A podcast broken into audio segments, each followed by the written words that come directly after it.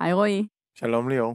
היי כולם, הגעתם לסטארט-אפ פור סטארט-אפ, הפודקאסט שבו אנחנו חולקים מהניסיון והידע והתובנות שיש לנו כאן ב-money.com, וגם מחברות אחרות, והוא מיועד לכל מי שסטארט-אפ מדבר עליו, לא משנה באיזה כיסא הוא יושב ברגעים אלו.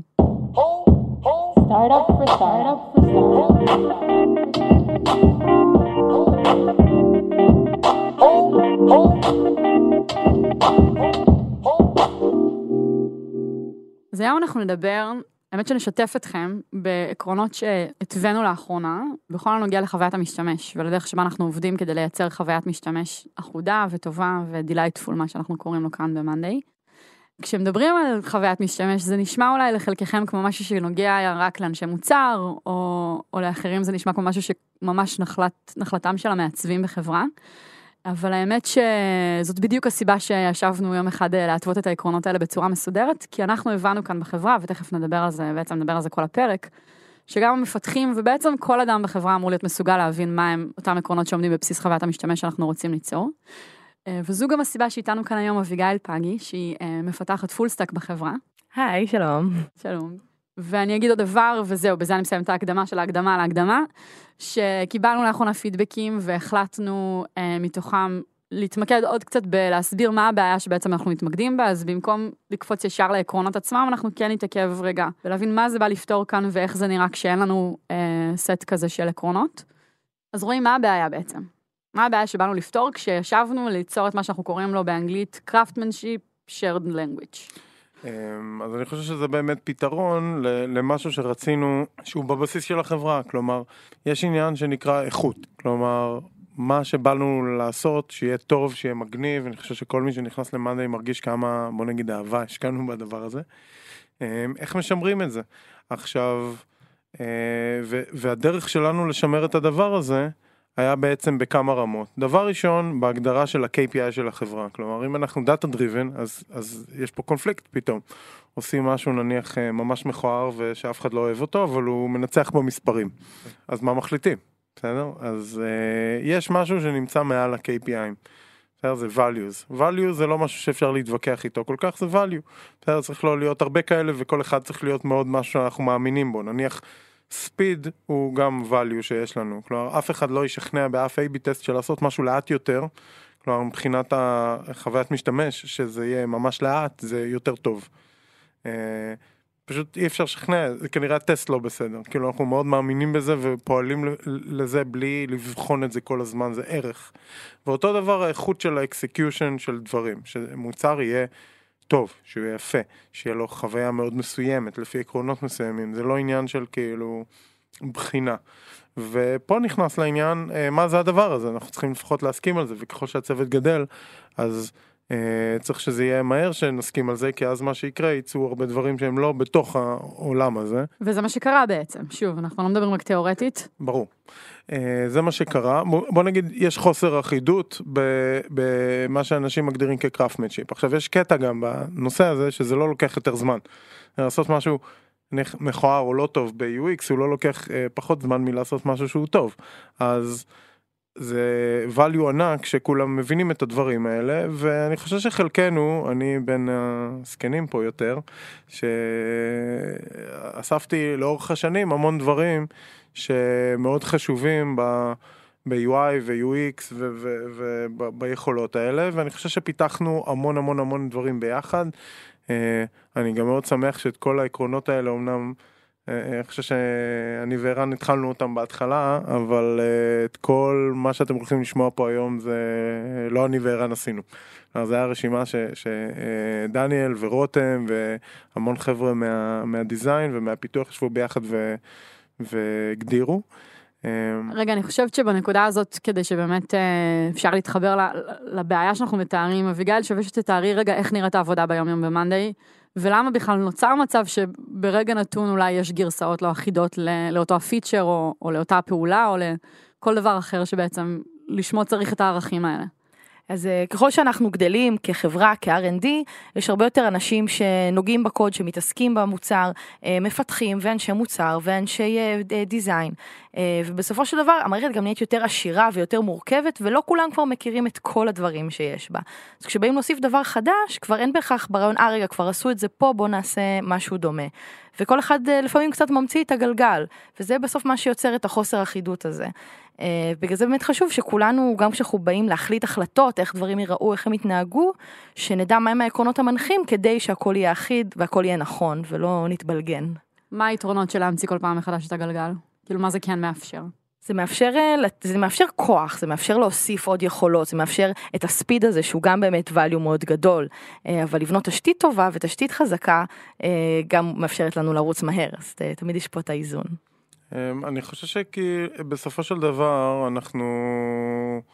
יש עניין של execution, בסדר? את עושה משהו, אני סתם אתן דוגמה אחת, כי דוגמאות זה הכי טוב, נניח היה אה, טסט שעשו, שאמרו רגע אנחנו רוצים לעשות login גם לגוגל, לא רק user name password, ואז אמרו טוב הבאנו ל user שני אופציות, והם בחרו וזה התוצאות וזה, אני מסתכל על זה, אני אומר רגע לא הבאנו שום שני אופציות, למה? כי יש כפתור של uh, sign up בגוגל, אחרי זה יש איזה or קטן או איזה קו, ומתחת יש username password. אני אומר טוב, מה שאני מבין זה יש כותרת שאומרת גוגל, והנה תכניס את ה credential של גוגל מתחת. ב execution לי זה נראה ככה, זה לא UX שהוא ברור, אבל לתת ל user שני אופציות זה דבר מאוד מאוד קשה, אני ראיתי, לא יודע, כל מקום, אני מנסה, מנסים להימנע מזה בכל אפשרות, כן? כי, כי פשוט אנשים לא מבינים את זה. אופציות ב-UI, כאילו, אתה או את זה או את זה, זה כאילו, א', זו שאלה קשה, כי לא, זה, הם עושים את זה תמיד לפני, אז הם לא יודעים מה ההשלכות. פה דווקא כן יודעים מה ההשלכות, אבל זה לא היה ברור. אז נניח טסט שהיו מקשיבים לתוצאות שלו ואמרו אה שתי תוצאות זה פחות טוב כי אף אחד לא הבין שזה חדש אפילו. שהטסט בנוי מלכתחילה כן, בצורה שאי אפשר לבחון. אז זה UX, זה לא אנשים יבינו מה שאת מנסה לעשות שיהיה להם ברור שיהיה להם קל שהם לא יחשבו על זה. אה, אה, כן אבל את זה אנחנו זאת שאלה אם אנחנו פותרים את הדבר הזה על ידי זה שאנחנו שמים בטאסק פורסים או בצוותים מוודאים תמיד שיש לך את הזווית העיצובית ואת הזווית הפיתוחית ואת הזווית הפרודקטית. זה לא אמור לפתור את מה שתיארת כרגע? אמ, לא כי זה לא אחריות של בן אדם אחד להבין שהאקסקיו זה משהו שכולם צריכים אה, לצעוק עליו עכשיו לי היה איזושהי חוויה בוא נגיד כאילו. Uh, הרבה דוגמאות שלי ל-UX uh, הם מהמסעדה, מסעדת הברסרי בתל אביב. כי הם, אה, לא יודע, עם השנים הם שאיפו שם המון המון דברים, אז קרה לי איזושהי חוויה שאני הייתי, שאנחנו שמנו אותה בתור מטרה, שזה יהיה פה בחברה מבחינת UX. המלצרית באה להביא לי את ארוחת בוקר, באה כבר הצלחת הייתה אה, כמעט על השולחן, ואז היא מסתכלת עליה, לוקחת אותה חזרה, ואומרת, רגע, אני לא אוהבת את זה, אני מחזירה את זה למטבח. עכשיו, זה כאילו, היא כבר, היא שמה, זה לא התפקיד שלה לכאורה, לבוא ולהחליט. מה המנה, זה יצא מהמטבח, יש שם שפים כן, שעושים את הדברים האלה, זה לא התפקיד שלה, לשנע את המנה כן, ממקום למקום. ושלא יודע, לזה, ולהקשיב לדרישות שלך אם יהיו כאלה. אבל היא לא אהבה את הארוחת בוקר הזה, ככה היא גם אמרה את זה, ואני חושב שזה... מה לקחת אה, מזה? שהניהול שם מאוד טוב לאיכות, ושגם למרות שיש עומס או וואט, גם מקשיבים לה. היא לא באה ו... Mm. שאכפת לאנשים מכל הדעות, ש... ו... וזה גם היה לנו שם המון, בהמון מקומות כאלה של אה, נניח היה פידבק לא טוב על משהו, הם תמיד מקשיבים ותמיד, כאילו יש את המקומות האלה שמתווכחים איתך, שזה בערך רוב המקומות, אז שם זה ממש לא. אכפת להם, רגע למה, מה, מה, מה לא היה כן. טוב בהתחלה. ו... אז איך מגיעים למצב שלא משנה מי מקבל פה מה... רגע, אני גם רוצה לתת דוגמת ברסרים, אנחנו מרימים להם אם אפשר. מה, מהברסרים? כן, ישבנו שם, האמת שביחד, לפני שנה, סביב הארוחות משקיעים שעשינו, ומלצר עבר ונשפכו לו, לדעתי, שלוש טיפות מים על התיק שלי. והוא עצר והתנצל ושאל אם זה בסדר והוא יכול לקחת את התיק, אמרתי לו הכל טוב באמת, הוא הלך אחרי שתי שניות מגיע מנהל המסעדה או אחראי משמרת ומתנצל שוב ושואל אם הם יכולים לקחת את התיק, לכבס אותו ומה אפשר לעשות, ופיצו אותנו בקינוח. למרות שאני אמרתי שהכל בסדר למלצר, הוא עם עצמו נשאר במקום של איך אני כן יכול לתקן את החוויה, וזה היה מאוד מגניב לראות את זה, שכאילו, אתה יודע, על פניו הוא יכול להגיד, היא אמרה שזה בסדר, בוא נקטין. אולי זה מוציא אותו רע מול המנהל שלו שהוא מספר שהוא עשה טעות ולא זה לא עבר לו בראש כל הדברים האלה. אז יש להם המון אמפאורמנט בוא, נכון. נק, בוא נקרא לזה ככה. ואיך אתה לוקח את זה לחברה? אז אני חושב ש, שכל אחד יוכל לבוא ולהגיד רגע אני עושה איזה משהו אבל נראה לי שזה לא נכון זה לא טוב זה לא משיג את המטרה שלו. יהיה חוויית משתמש לא טובה גם אם זה עיצוב או, או ה-layout או ה-UX או הטקסטים אפילו. הם לא מספיק ברורים. אה, הרבה פעמים היה פה דברים שמנסים להיות מצחיקים, אבל אז מפספסים את זה שמישהו יבין בכלל למה אנחנו מתכוונים, מרוב שזה היה מצחיק. אה, אז, אז כל מיני דברים כאלה שאנחנו רוצים. ש... שכולם יהיו אחראים על זה, זה לא איזה, ו... ומה שבטוח זה לא שעושים, ואז הבן אדם שאחראי על זה שזה יהיה בסדר יבוא ויעבור, הוא לא מבין את הקונטקסט, הוא לא בתוך העניינים, זה המקום הכי גרוע לנסות לפתור את הבעיות האלה. שפוגע גם בעיקרון של המהירות שתיארת קודם. כן. כן, אי אפשר שתהיה ועדת האישורים הכללית שעוברת על כל דבר דבר שעולה. אנחנו המון המון אנשים, המון מפתחים, המון אנשים שכל הזמן מעלים קוד, כל רגע עולה גרסה חדשה, אי אפשר שיהיה מישהו משטרת האיכות שתבדוק את זה, זה עניין של אחריות אישית. וגם היא לא תעשה עבודה טובה, כי א' יהיה לה לחץ, וב' היא לא תבין את הקונטקסט של הדברים. כשמי שבונה את זה מבין מה מנסים לבנות.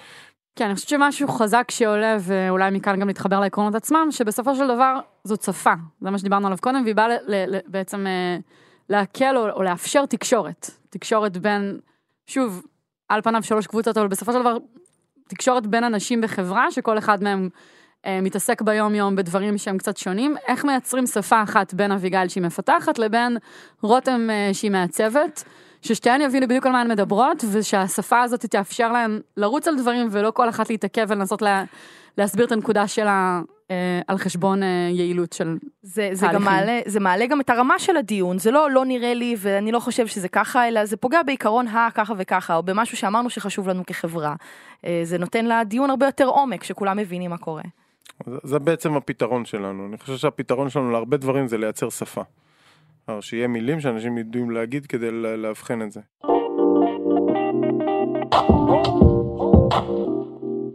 אז המטרה בעצם של הפרק הזה היא לאפשר סינכרון גבוה יותר, תיאום בצורה טובה, נכון? להימנע מכמו שאמרת קודם, אה, שיחות שהן אה, לא ענייניות, ולאפשר אה, לכולם לעבוד יותר טוב אחד עם השני, לטובת מוצר טוב יותר, שוב, זה, זה מה שעומד לנו מול העיניים, איך עושים מוצר טוב.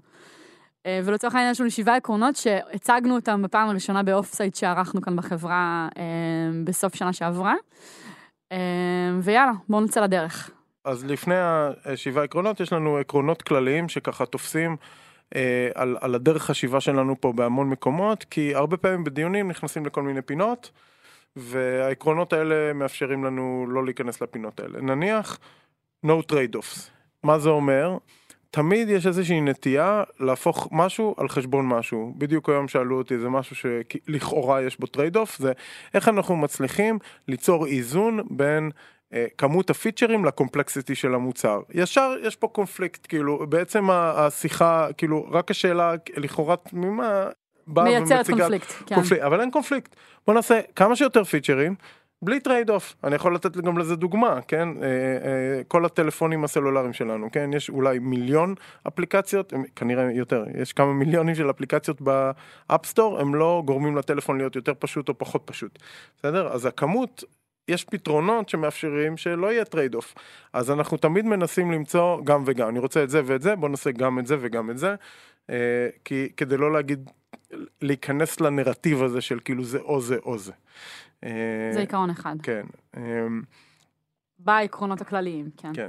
העיקרון הבא אה, זה שלמצוא הדרך להגיע לפתרון הנכון והמתאים היא לא בהכרח פונקציה של הזמן שהשקענו. זאת אומרת זה לא אם נשב ונדבר יותר ונדבר יותר ונדון יותר ונעבוד יותר זה לא בהכרח יביא לפתרון טוב יותר. לפעמים צריך להגיע לאיזושהי הברקה ולמצוא את, ה, את הרעיון הנכון ואת הרעיון המתאים. זה לא בהכרח פונקציה של לשבת ולעבוד יותר ולפתח משהו יותר גדול ויותר מורכב, לפעמים דווקא הדבר המורכב היותר מסובך הוא דווקא לא הפתרון שהיינו רוצים להגיע אליו. כן, יש לי דוגמה שאני עדיין גאה בה, נראה לי דיברנו עליה, זה שישבו task force שלם, זה היה מעצב, מתכנת ו product. וזה, ולפתור בעיה של תקשורת, ובסוף מה שיצא להם אחרי שבועיים, שטסט אחד זה אחד מכל הטסטים, זה היה להחליף אייקון. שיהיה יותר ברור. זה נהדר, כאילו זה... ו- ודווקא זה בדיוק counter intuitive כי שמים מתכנת מעצב ואומרים להם יש לכם משימה רצינית לפתור פה. והתקשורת זה כאילו להגיד טוב בוא נחליף אייקון ואולי זה יפתור את הכל. זה לא מה שבועיים לקח לכם להגיע לא... לזה שצריך להחליף אייקון? זה ה counter intuitive פה כן. א' כן כי הם עבדו על המון KPI ים וניתוח של דאטה והכל כדי להגיע להבין מה הבעיה אבל אחרי שהם הבינו מה הבעיה אני חושב שלקח להם שתי שניות להגיד בוא ננסה להחליף את האייקון מתוך הבנה של הבעיה. אבל העובדה שהם הרשו לעצמם לעשות את זה כי אף אחד מהם לא השקיע כל כך הרבה שנים בלימוד כדי ל... כאילו, העשייה פה הייתה אפס. בסדר? וזה העניין. כלומר, שבאים כן, באמת... אתה לא צריך להיות מעצב אה, כן. עם תואר בשביל להחליף אייקון, זה מה קיצור, שאתה אומר. לכתוב, לפתור את הבעיה. אה, נעבור לדבר הבא, אז אה, מורכבות היא לא מפחידה. לפעמים אנחנו נכנסים, וראינו את זה בהמון מקומות, למקום שאנחנו נהיה כאב ראש.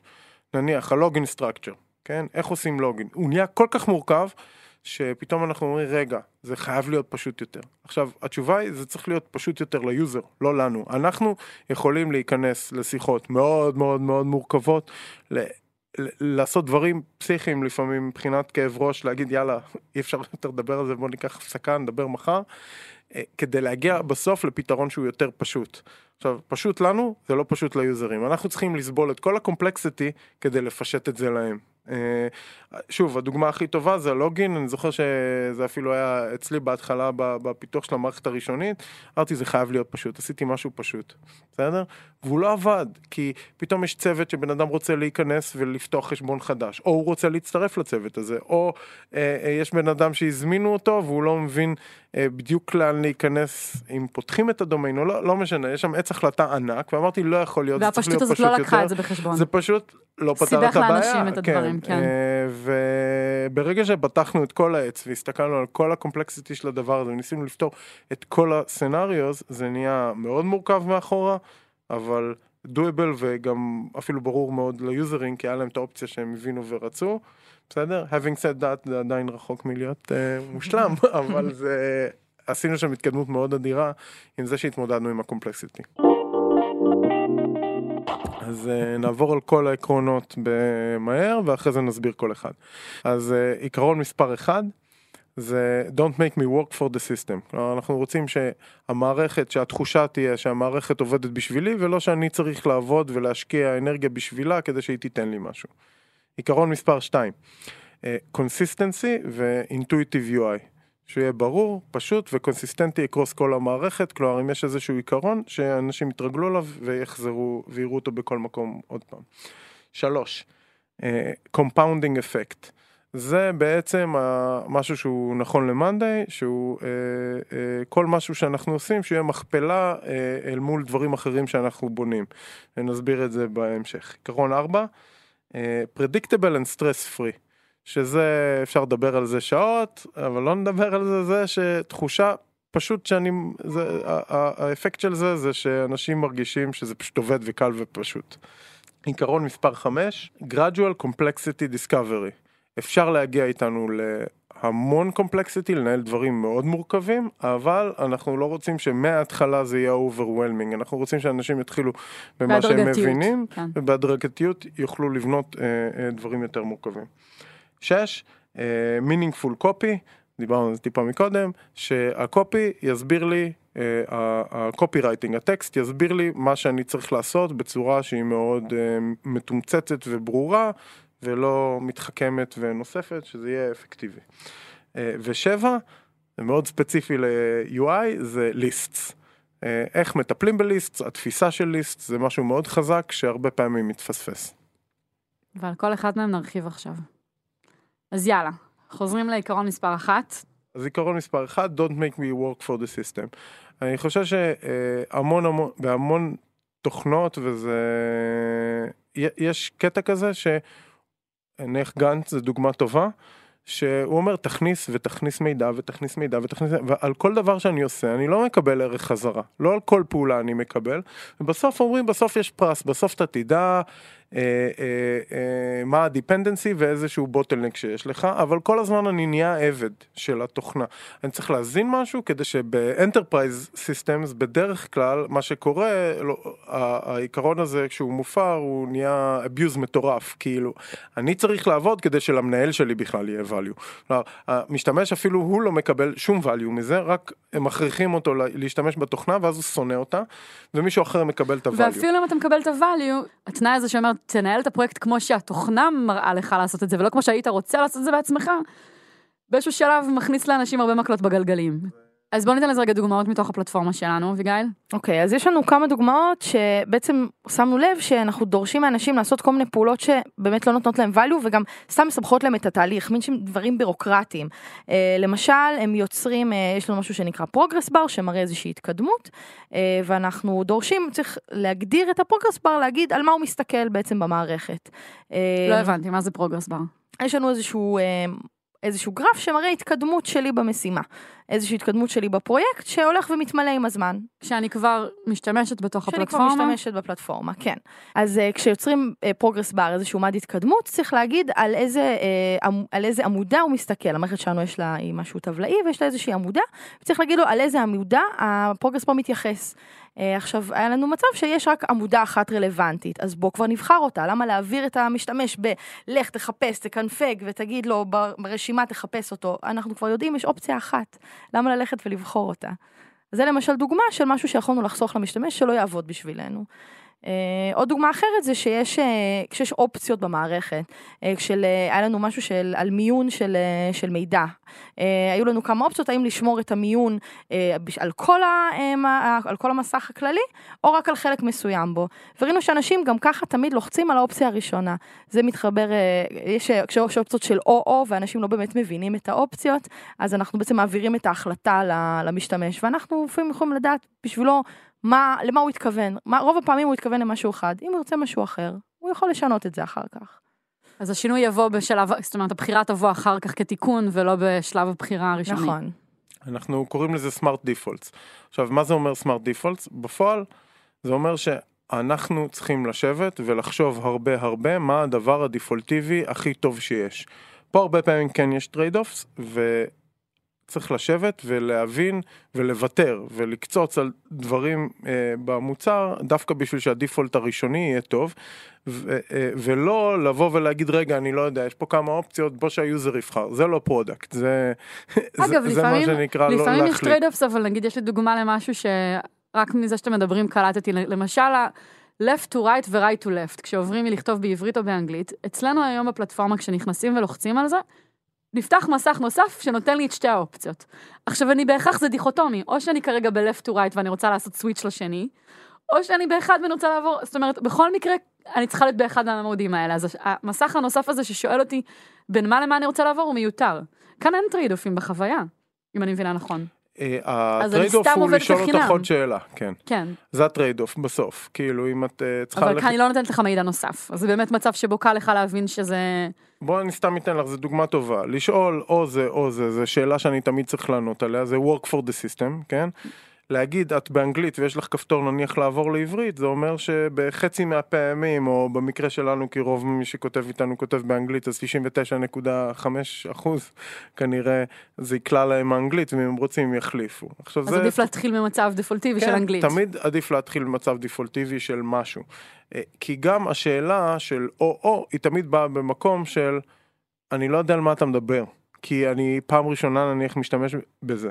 והחוויה הראשונית אצלנו אנחנו, אני חושב שאנחנו משקיעים בה אינסוף אנרגיה, אני חושב שאנחנו נמשיך כל הזמן להיות בנקודה הזאת, כי כל פעם מצטרף מישהו חדש לארגון, או יש לקוחות חדשים, או אני שכחתי כי לא התעסקתי עם זה הרבה זמן, אז תמיד אנחנו במוד של חוויה ראשונית, וכששואלים אותי או-או על משהו שאני לא יודע מה ההשלכות שלו, אז זה, אין אני לך לא מה יודע, לעשות עם זה, נכון. בנקודה הזאת אני לא יודע נכון. להחליט. ואז בחזרה לחוויה זה מייצר איזושהי חוויה של חוסר ודאות וסטרס מיותר. זה נוגע גם נקודה ארבע של הסטרס, שזה מייצר סטרס כאילו כל השאלות האלה.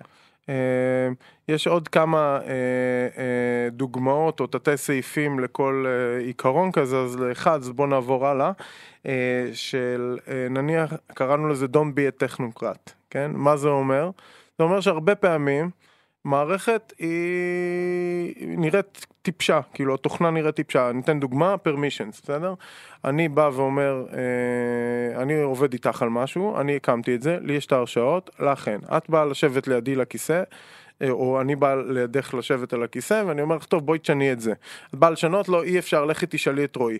זה תחושה, אה, כאילו הפרמישן, במקרה הטוב הוא יגיד לך, אה, רועי יש לו את הפרמישן, במקרה הרע הוא אומר לך אין לך הרשאות ולכי, את לא יודעת מה לעשות עם זה. קרה לי. במקרה כן, עוד יותר רע, הוא אומר. נכשלתי. ארור. ארור, לא, זה נכון, זה נכון. ואז אז מה ההתנהגות טובה פה? ה default שיהיה public. עכשיו, מה, מה, מה, מה הטכנוקרט הזה? הוא אומר, לכי לרועי, אני עוד יושב ל, ל, לידך, אז הנה הוא פה, כאילו, הנה הוא מאשר לי, אבל המחשבים לא עובדים ככה. נכון. אז התחושה היא תחושה של תסכול. בסדר? אז ה default פה הוא משחק, שאצלנו נניח ה permission הוא open לכולם, אלא אם כן ממש בא לך לסגור אותו. בסדר? אז הפעולה של ה user יוצרת את התחושה הזאת של ה... כאילו, אם נוצרה תחושה כזאת לא טובה זה כי בן אדם בחר אקטיבית להגיד וואלה אני רוצה לחסום את כולם.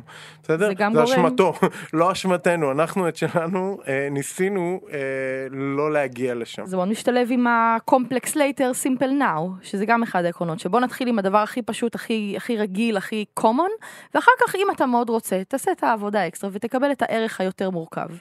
כשאתה מתייחס רועי למקום שלא לא לגרום ל- ל user לעבוד לחינם, האם יש פה גם איזשהו מדד השוואתי בין תוכנות אחרות או פלטפורמות אחרות שהוא מכיר? אה, כאילו אני- יש אולי איזשהו baseline של מה אמורים לעשות או לא אמורים כן, לעשות אני, בתוך אני פלטפורמה. מרגיש שאנחנו ככה, ש- שככלל, ככל שהתוכנות יותר פשוטות וככה אנשים מגדירים את זה, הן פחות גורמות לי לעבוד בשבילהם, ושהן מורכבות, אז הם, אני הרבה יותר עובד בשבילהם כדי לקבל את זה. אנחנו די מנסים לשבור את הפרדיגמה הזאת. כלומר, לעשות תוכנה שהיא מאוד מורכבת, אה, שיכולה להגיע למורכבות מאוד גבוהה, אבל... אה, שהיא פשוטה ולא גורמת לי לעבוד בשביל זה. אה, אני חושב ששקיפות ו... תיאום או- ציפיות ביחס ו- לדבר הזה עם ה- עם ה user? זה משהו שאנחנו עושים? שקיפות, הנחה של שקיפות עזרה לנו. כלומר שיש שקיפות בתוך אה, הארגון של המשתמש. כלומר שהוא רוצה לשתף עם אחרים. אני חושב ש permissions ישר מייצר סיילוז, ישר מייצר קבוצות של יוזרים, ישר מייצר את כל הבעיות האלה, אה, אבל זה בכל מקום. אה, נוצר. אני בניתי משהו שאת לא שותפה לו, אז אם אנחנו מניחים שיתוף, מניחים שאם מישהו אחד עשה אז כולם זוכים לקבל את זה, יש הרבה פחות מהבעיות האלה שנוצרות, וגם הניסיון שלנו לבוא ולראות בכל דבר שאנחנו עושים, לא, אם, אה, אה, כמו אה, אה, חשבון בנק, בן אדם משך, אה, עם כל פעולה שהוא עושה, זה הוא אה, עשה פעולה של למשוך למשוך לנו כסף מהבנק של, ה... של האיכות. עכשיו השאלה אם נתנו לו ערך עבור הכסף הזה או לא, או שהוא סתם משך ומשך ומשך ומשך והשאיר אותנו במקום שהוא כאילו בסוף לא אוהב את, ה... את המערכת. עיקרון מספר 2, Consistent and Intuitive UI. אה, אז אה, זה ככה מדבר בעד עצמו, אבל אה, בוא, בוא נגיד אבל טיפה, ממש לא, אבל אגב. כן, אבל בוא נגיד טיפה למה זה מאוד חשוב, ומה אנחנו מנסים להשיג. אני חושבת שזה גם עיקרון, אולי יותר מכל העקרונות שמבינים אותו על השלילה, אז אנחנו תכף ניכנס כן, להרבה דוגמאות לאיך זה נראה כשזה, נכון. מפורק, שבור ולא עובד. אמ, אז ה intuitive UI ו consistency קשור מאוד אחד לשני כי אנחנו רוצים להיות consistent לא רק בינינו לבין עצמנו אלא אל מול תוכנות אחרות ודברים אחרים שאנשים מכירים נניח ש radio button יהיה מה ש radio button כן, ו checkbox זה קצת יהיה מה checkbox. ששאלתי, יש איזשהו תיאום ציפיות כללי אוניברסלי שקורה בין תוכנות כן. לבין יוזרים. אה, כן זה קורה הרבה נניח ה hamburger menu בצד שמאל ב mobile היה בהתחלה פחות ברור ועכשיו זה מאוד ברור אז אז כלומר אנחנו צריכים להיצמד לעקרונות האלה כדי שיהיה פשוט לאנשים להבין ומצד שני אנחנו עושים כל כך הרבה דברים שהם אה, חדשניים ב-UI או, או זה ש, שצריך לחשוב הרבה כדי לייצר מצב שהוא שזה גם אינטואיטיבי אה, וגם קונסיסטנטי כשיש הרבה UI. אביגל, דוגמאות בבקשה. כן, אז יש אה, דוגמה טובה של אה, מחיקה במערכת. אני חושבת שספרנו שהיו לנו שלוש גרסאות שונות של דיאלוג של האם אתה רוצה למחוק משהו. עכשיו, יש הבדלים שבאמת עיצוביים, יש הצללה קצת כזאת, קצת כזאת, זה גם עניין של אחידות ושל איך שאנחנו נראים, אבל היו הבדלים יותר מהותיים, למשל הטקסט של הכפתורים, האם אתה רוצה למחוק, היה, במקום אחד היה כן או לא, מקום אחד היה למחוק או לבטל, וגם המיקומים שלהם היו שונים, זאת אומרת לפעמים הכפתור הימני אומר כן למחוק, ולפעמים הכפתור הימני אומר לא למחוק. ואם הרגילים משתמשים לאיזושהי התנהגות מסוימת, הם רוצים לעשות איזושהי פעולה, כבר באוטומט לוחצים על הכפתור הימני, פתאום קרה איזה משהו לא צפוי, אנחנו יוצרים איזשהו friction עם, ה, עם האנשים. חוץ מזה דיברנו גם על זה שהאנשים לפעמים גם הולכים וקוראים ישר את הטקסט של הכפתורים, הם לא תמיד קוראים איזושהי הודעת שגיאה, כל מה שכתוב שם, הם רוצים לראות מה יש בכפתור, ואם כתוב yes או no, הם לא, הם לא קיבלו את ה value, הם צריכים ללכת ולקרוא את כל הדברים. זה גם משהו שאנחנו משתדלים תמיד לכתוב מה הפעולה שעומדת לקרות כשתלחצו על הכפתורים. אבל רגע, איך הגענו. למצב שיש לנו שלוש ורסיות שונות לפעולה שהיא delete? דברים שנכתבו בזמנים שונים על ידי אנשים שונים, אה, באמת להשתמש באיזושהי תשתית אחידה זה משהו שבהחלט יכול לפתור את זה. אה, אבל ככה הגענו למצב שבן אדם לא הכיר שכבר הייתה תשתית ויצר משהו לבד וזה יצר את החוסר תאימות הזה. זה, הדוגמה הזאת של ה pop-up הזה זה אולי הדוגמה האיקונית שאני משתמש בה, זה כאילו, יש, יש בדיחה שרצה במשרד, שכאילו אני משתמש ב pop-up הזה של ה delete להסביר אה, UI גרוע. עכשיו הוא, לא אנחנו המצאנו כמה שהוא גרוע, זה תוכנות המציאו. עכשיו אפשר לעבור פה על, על כאילו, על המון עקרונות ביחד. את עושה פעולה, קופץ לך pop-up, את כאילו נניח לא מפגרת, לחצת על כפתור delete, כן, נניח שלא ברח לך עכבר וסתם לחצת על זה, אבל מערכות, היה intent מאחורי הדבר הזה, כן. נניח, אז כבר דבר ראשון אה, מערכות לא מניחות את זה, ישר זה אדום וישר עשית משהו שכאילו בואו נפחיד אותך, כי זה delete, בסדר, נדבר גם על זה, אבל ואז יש את השאלה הקלאסית, are you sure you want to delete? עכשיו, התשובה לזה, נניח גם אם, אה, אה, אם היא no, נניח, אז I'm not sure, אז עכשיו מה עושים? הולכים לפסיכולוג? זה לא אנגלית, כאילו, אנחנו, בוא נדבר על זה, שנייה, אם את לא בטוחה רגע, מה, מה, מה זה אומר? אז, הנה אז, אנחנו שוב בעולם של שלילות כפולות, רועי, אתה ואני כל פעם מגיעים לתרגילים בלוגיקה. אבל אתה יודע מה, זה לא רק שזה לא באנגלית שנייה לפני זה, זה גם לא פעולה אנושית. זה אולי העניין, זה לא טבעי לבן אדם אז נדבר על ה... לעשות פעולה ואז להיתקע בהם, זה כאילו מצב תקוע. אז בוא נדבר אחרי זה מה זה הטוב של delete, אבל בוא נתעכב פה על כל הדברים הנוראים, כן? אז are you sure you want to delete, ובדרך כלל are you sure you want to delete, לא מביאים לך אפילו קונטקסט, את לא יודעת אפילו מה. בסדר? אה, כלומר, אני לחצתי על משהו, אז הניחו שזה אולי בטעות לחצת על זה, אבל לא אומרים לך על מה בטעות לחצת. בסדר? והתשובה היא yes or כן, no. מה אני מוחקת בעצם. אז אני לא יודע על מה עכשיו, וזה כן. מוחשך, וכאילו... אה, זה, אז, אה, אז יש כל כך הרבה חוסר ודאות וזה, וגם לא אנגלית נכונה שעוזרת. עכשיו, ואז לפני, מתחת ל-are you sure you want to delete, כותבים לך כאילו... Uh, בדרך כלל עוד הפחדה כזאת, this will be deleted permanently and you won't be able to restore it, זה יש כותרת, תת כותרת, uh, כפתור של yes וכפתור של no. וכאן עוד אקסטרה חבל, כי ו- יש לנו איזשהו ריסייקל בין, וכבר יכולנו להרגיע את האנשים להגיד, אם כבר אומרים משהו, היי, hey, זה יושב בריסייקל בין, אל תדאגו, אבל גם לא אמרנו את זה בכלל. אז הפחדנו לחינם. אז הפחדנו עוד יותר. עכשיו, הבעיה הזאת היא בכל התוכנות שאני מכיר, כן? זה לא מיוחד אלינו. Uh, are you sure? yes, no. עכשיו, מה כן צריך לעשות? בסדר? דבר ראשון, אני צריך לקרוא, ברגע שכותבים yes, no, זה אומר שאין שם את המידע. אני צריך לקרוא את הכותרת, כלומר, ישר גורמים לי לקרוא יותר. מה שצריך לעשות, זה על הכפתורים לכתוב delete את השם של הדבר הזה.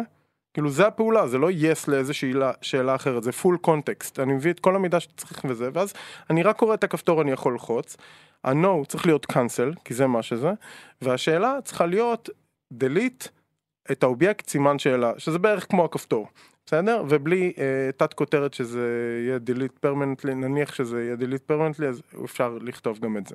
עכשיו, מה הרבה יותר טוב? שלא יהיה את כל ה pop-up הזה. כי כנראה שאנשים אין להם אה, אה, בעיה של ללחוץ רנדומלית על העכבר, ואם לחצו זה בסדר. ואנחנו אה, צריכים לעשות אה, משהו אחר, כלומר התנהגות אנושית, שאת אמרת מקודם, זה נניח את הולכת ל... להזמין פלאפל. זאת אומרת, אה, תשים לי חומוס, טחינה, חריף, כן, טוב, אתה יודע מה לא. זה התנהגות אנושית, אני אומר כן ואחרי זה לא. ואחר כך אני מבטלת אותה. במחשבים לא עובדים ככה, את מוחקת זהו, נגמר הסיפור. את בטוחה חריף? עכשיו, בטוח? בטוח? כדי לתכנת את הלא הזה, שנייה אחרי זה, מתכנתים צריכים לעבוד פי עשר יותר קשה, בסדר? ואיך זה נראה היום אצלנו במערכת בהרבה מקומות? בכל מקום שאפשר לעשות תהליך שהוא הפיך ולהתאמץ פי עשר, אז אנחנו נעשה את זה. את לוחצת על הכפתור נמחק, אומרים לך נמחק. ולמעלה יש הודעה של undo לכמה שניות. כלומר, זה הרבה יותר טוב, אין את הפופ-אפ, כלומר זה לא נהייתה פה, כל ההפחדות לא צריך, כל השאלה, כל הדילמה הזאת, כלום. אה, כל המצב רק, האנושי הלא טבעי הזה. ורק מה צריך לעשות, לתכנת פי עשר יותר, בסדר? וזה, אני חושב שבהמון מקומות זה המחיר, בהרבה מקומות זה לא המחיר, אבל כבר אה, להציג את השאלה בצורה טובה, delete, delete, בסדר? זה במוח, לחצתי על כפתור delete, אני קורא כפתור delete, עשיתי את זה, כן, אז יש לי עוד קליק. הדוגמה הזאת היא גם משרתת את העיקרון, את עיקרון העל, מה שנקרא, שדיברנו עליו קודם, שאומנם התהליך הזה אולי יותר מפחיד לאביגיל מאחורי הקלעים, אבל התוצאה שלו, הפתרון שלו, ברור לכולם למה הוא הולך להפוך את החוויה של המשתמש לטובה יותר, ולכן אנחנו כן נצא לדרך כזאת, נכון? כן, ואני חושב שאחרי שמשקיעים המון אנרגיה ב- ו- וזמן בלעשות פיצ'ר כזה, והוא עולה לאוויר, יש איזושהי תחושת סיפוק אינסופית, כאילו, מזה שזה עשוי טוב, יש לנו את זה בעוד כמה דוגמאות. וגם ברוב המוחלט של המקרים, חסכנו לאנשים עוד אקסטרה פעולה של לאשר. ולגרום להם לעבוד בשביל המערכת עם העוד שלב בדרך לעשות את מה שהם רצו לעשות. זה גם עונה על העיקרון הראשון כן. שנתנו. עוד דוגמאות בהקשר הזה? יש לנו טבלאות במערכת, ולטובת אפשר להגדיר כל מיני דברים. יש איזשהו תפריט שאפשר ללחוץ עליו, ומקבלים כל מיני אופציות של מה אפשר לעשות בטבלה הזאת. למשל? אה, למשל, להוסיף שורה, להוריד שורה, להוסיף עמודה וכל מיני דברים כאלה. עכשיו, לא לכולם יש הרשאות לעשות את כל הדברים. יש אנשים שהם רק צופים כרגע. אה, מבחינת היוזרים שמשתמשים מבחינת היוזרים שמשתמשים. אז אנחנו לא רוצים להחביא מהם את כל האופציות ואת כל מה שאפשר לעשות, כי פתאום אנשים יכולים להגיד, רגע, אני ממש זוכר שהייתה פה אופציה של להוסיף שורה, לאן היא נעלמה? אני בטוח שאתמול ראיתי אותה, ואני לא יכול ללחוץ עליה יותר. עכשיו, נכון שעכשיו אתה בעולם שבו אין לך הרשאה, ואולי עוד רגע אתה תהיה במקום שכן יש לך הרשאה. אז באמת מה שאנחנו מנסים לעשות זה כן תמיד להציג את כל האופציות, ולהראות אותם נגיד disabled, להראות אותם שלא תוכל ללחוץ עליהם, ונסביר לך, היי, אין לך הרשאות לעשות את הדבר הזה, אבל לא נעלים לך דברים, אין פה קסמים שדברים קורים בצורה לא צפויה. אז זה גם אחד הדברים של הכל, הכל אה, אינטואיטיבי והכל consistent. אם יש לי אופציה להוסיף שורה, אז היא תמיד תופיע במקום הזה, ואם אין לי הרשאות, אני אדע שאני לא יכול לעשות את. וגם את הסימון של האין לי הרשאות נסמן תמיד באותה הדרך, נכון. נכון? זה לא שפעם אחת זה יהיה ב-X ופעם אחת זה יהיה אפור ומוחשך ופעם שלישית זה פשוט לא יהיה קיים בטבלה. בדיוק. אה, זה, זה ה style guide בעצם, איך שזה נראה, אבל אני חושב שכאילו הקטע של הדברים נעלמים, היה לנו פה הרבה זמן גם ב testים של trial ו paying. אמרנו, טוב, אנחנו רוצים לעשות את הדבר הזה כדי לשפר את ה trial, ואז בן אדם שילם ונעלמו לו דברים מהתפריט. למה? כי, מה הקשר? כאילו הוא שילם, זה אפילו permission זאת יש בזה איזשהו היגיון. פה לא היה לזה שום הפוך, היגיון. זה זה ההיגיון היה counter-intuitive. מהמקום שלנו של אה, זה טסט על ה... השגנו את מה שאנחנו רוצים, טוב, אז אפשר להעלים את זה. כאילו upgrade button או כל מיני דברים כאלה, פתאום זה נעלם כי... ועכשיו ה user צריך להבין איפה לחפש את זה. אז הקונסיסטנטיות שאת אותם דברים אפשר למצוא באותם מקומות וכולם יכולים למצוא אותם, שמישהו שאין לו פרמישן זה יכול להגיד, רגע, אני, אפשר לעשות את זה והוא ילמד ו- וכל הדברים האלה, זה... זה אתה יודע מה זה מזכיר מסוג לי? יותר חשוב אפילו מאיך שזה נראה, אם זה ברור, שיש צל או אין צל על איזשהו זה כפתור. מזכיר לי את זה שנגיד לפעמים אה, אני יכולה להניח מטריה בכניסה לבית, ואז אני אבוא והיא לא תהיה שם, ואז אני אשאל את בעלי את אור, מה עשתה עם המטריה וגילי לא עשית כלום, ואז יש איזה רגע כזה של לא יכול להיות. אם אני לא הזזתי אותה ושמתי אותה כאן, ואתה לא הזזת, לא יכול להיות שפשוט נעלמה. ואת גם זוכרת, המקרה שלי עם הסיטואציה הזאת זה אולי לא הייתה קיימת ואני משוגע.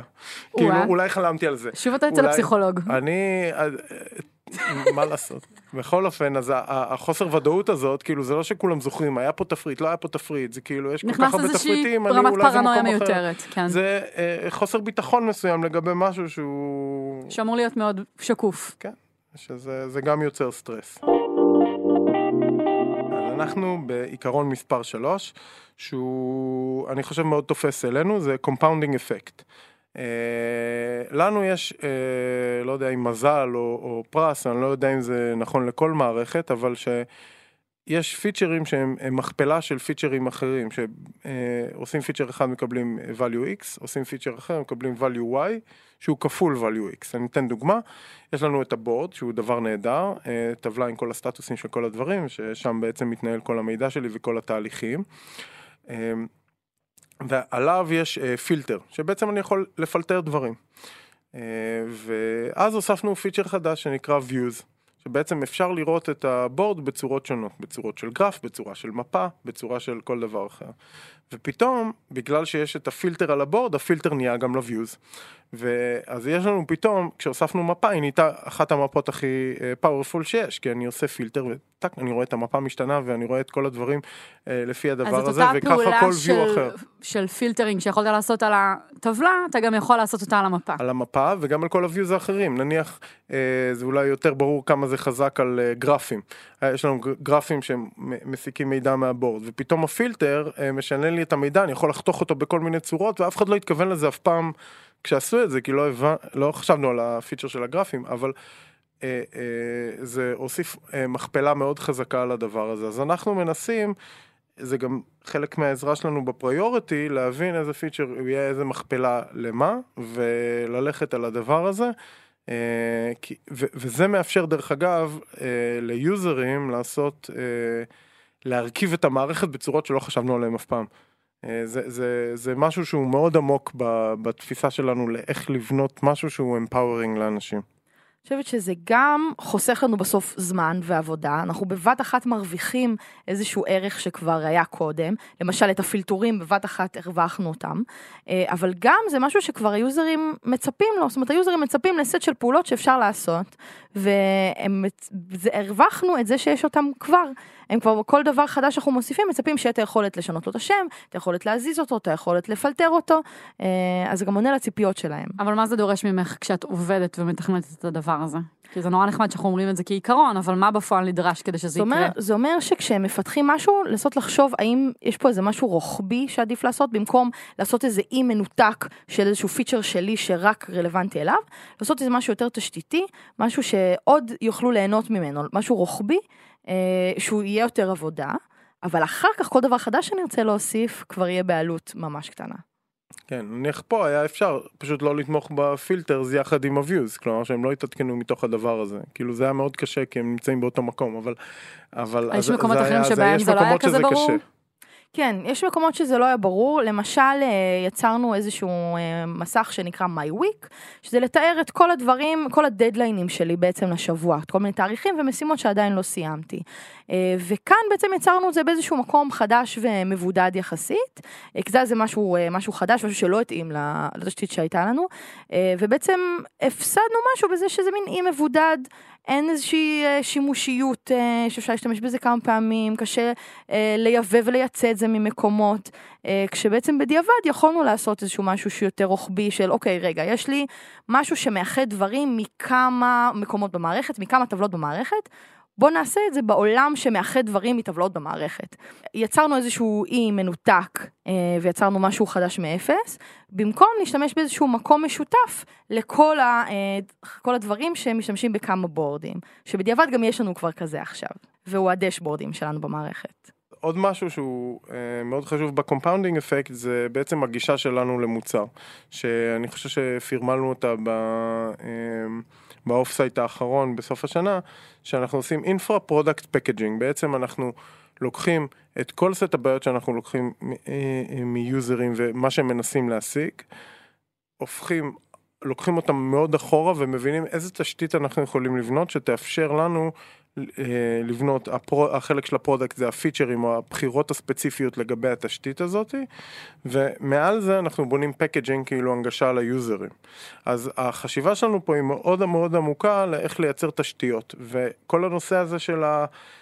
compounding effect זה איזה תשתית היא מכפלה של איזה תשתית אחרת. נניח הוספנו אה, את האוטומציות והאינטגרציות, אז האוטומציות הן כבר על ה board, הן כבר בתוך ה dashboard, הן כבר פתאום קיבלו כזאת משמעות אצל ה userים, כי הם לא isolated אוטומציה שאני יכול לעשות דברים סתם ככה, היא פשוט, זה להפעיל אוטומטית את כל המערכת. אז כל חלק, אז בגלל שכל שאר הדברים בנויים כתשתית, היה קל לחבר את התשתית הזאת לתוך הדבר הזה, והיה קל להפעיל את זה. עכשיו, אם כל אחד בונה מחדש את הכל isolated, אז זה דברים שבסוף צריך לחבר אותם. נניח ה-My אני פתאום רוצה לעשות לו עכשיו אוטומציה. אה, שתתזכר אותי על משהו, אז אם הוא לא נגיש לי בתור תשתית, וברור, אז הוא גם לא ייכנס לתוך ה feature החדש הזה שמכינים. אז, כבר יצרנו כאן עבודה אז הוא כבר, כפולה הוא באמת, ו- אז מורכבות. משולשת ומרובעת, וכל דבר יש לו roadmap משלו, ודברים לא נתמכים אה, פה ושם. וככל ו- שעובר הזמן זה יהיה יותר גרוע. אה, כן, והחיבוריות הזאת בין הכל להכל היא מאוד מאוד חזקה. היא מאוד מאוד חזקה. אה, אז, אז אסור לנו לאבד אותה. אני חושבת שעוד דבר שאנחנו מאבדים בדרך העבודה הזאת שאתה מתאר כרגע, ששניכם מתארים, היא שעכשיו ש... כשנרצה להעביר נגיד מפתח מפרויקט אחד לפרויקט אחר, אז פתאום אין את היכולת הזאת אם אנחנו עובדים בסיילוז, נכון? כי מה שהוא יודע לעשות בתוך תשתית אחת הוא לא בהכרח מה שהוא יודע לעשות בתשתית אחרת. אתה מאבד קצת מה... אני חושב ש... הזאת אולי. שברגע שאנחנו דורשים דווקא את החיבור בין כולם, אה, בין הכל להכל, זה דורש יותר ממתכנתים. זה דורש מהם לראות רחב ולהתחיל לשאול עוד אנשים ומה עוד אנשים עושים בארגון שהוא קשור למה שאני עושה עכשיו, כי הרבה פעמים בונים את הדברים האלה במקביל, אז אני חושב שזה דורש מאיתנו הרבה יותר, אבל כדי בסוף לייצר מוצר יותר טוב. יש לנו עכשיו באמת גם כמה task forceים שרצים במקביל, ופתאום מצאנו באמת כל מיני נקודות השקה של רגע, יש פה אזורים משותפים, מי עובד עליהם עכשיו, מה ה vision של כולם ביחד, זה תמיד דורש מאיתנו להיות מסונכרנים ולעבוד כולנו ביחד על דברים. גם מבחינת התשתית וגם מבחינת ה product וה vision של פיצ'רים. עיקרון מספר 4, predictable ו stress free. אז אני חושב שהרבה ממה שעשינו עד, עד עכשיו, כאילו הנקודות שנגענו בהן אה, עד עכשיו, הן אה, מראות גם את הנושא הזה של predictable ו stress free. אפשר לעבור על התתי אה, סעיפים של הדבר הזה ולראות כאילו איפה אנחנו נוגעים בזה. אז... רגע, בוא נתחיל מדוגמה, כדי שבאמת אה, כולם יהיו איתנו.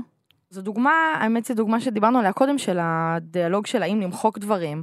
אם אנחנו לא מסבירים מה עומד לקרות, דברים באמת מאוד, נראים מאוד סטרסים, הכל מאוד חמור, הכל מאוד לא הפיך, כשבעצם הכל רגוע, אפשר לעשות אנדו לדברים, דברים נמצאים בסל מחזור, ואין שום סיבה להלחיץ אנשים סתם. או ברזולוציה אחרת, כשאנחנו מדברים על פרדקטיביליות, אז אם פעם אחת כשאני לוחצת על כפתור שמאלי הוא מוחק, ופעם שנייה אני לוחצת על כפתור שמאלי והוא לא מוחק, בדיוק. אני כרגע לא, הכנס לי friction, אני צריכה לחשוב הרבה במקומות שאמורים להיות יותר טבעיים ו...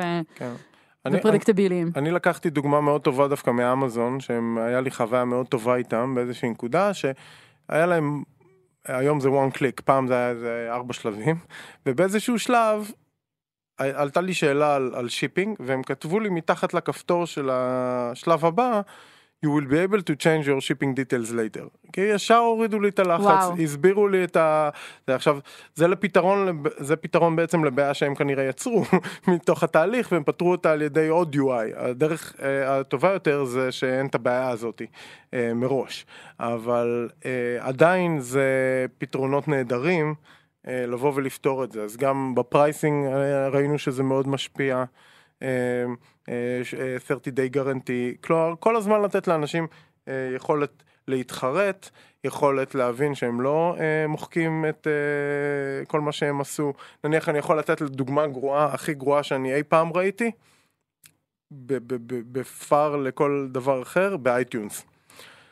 אני רציתי להעתיק קובץ mp3 לטלפון שלי, אייפון בזמנו.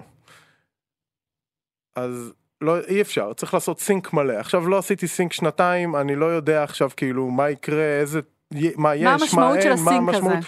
כאילו בסדר, אפשר לעשות sync וכאילו שיסנכרן לי את כל ה... לא ידעתי את האייטיונס, רציתי להעתיק אחד. אז היה שם כפתור, uh, move uh, to manual. נשמע הגיוני, נכון? אני manual, אני אעתיק mp3 בודד, הוא לא יעשה לי את ה sync המלא וזה. אמרתי בסדר, לחצתי move to manual. מה הפופ-אפ היה? היה גאוני. Are you sure you want to move to manual? לא הוסיפו לי שום מידע, הפחידו אותי, וזה. אני זוכר בת- בתחושה שלי, זה היה יאללה. אני קופץ בנג'י עכשיו, קופץ מהגשר, לוחץ yes, רציתי manual, אני הולך על זה. כאילו, הם, הם איתתו לי שמשהו הולך לקרות, לא אמרו לי כלום, אבל כאילו זה. לחצתי yes, מחקו לי את כל המוזיקה מהטלפון. זה מה שקרה. פשוט מחקו לי הכל. manual, אמרו, אה, אתה לא רוצה את ה sync שלנו, אין בעיה, נמחוק לך את הכל. ולא היה undo. לך תעשה manual. סוף סוף הבנתי למה רועי עבר לאנדרואיד. זה, היה איפשהו בסט הציפיות שלי שלחצתי על הכפתור? הזה. ברור שלא.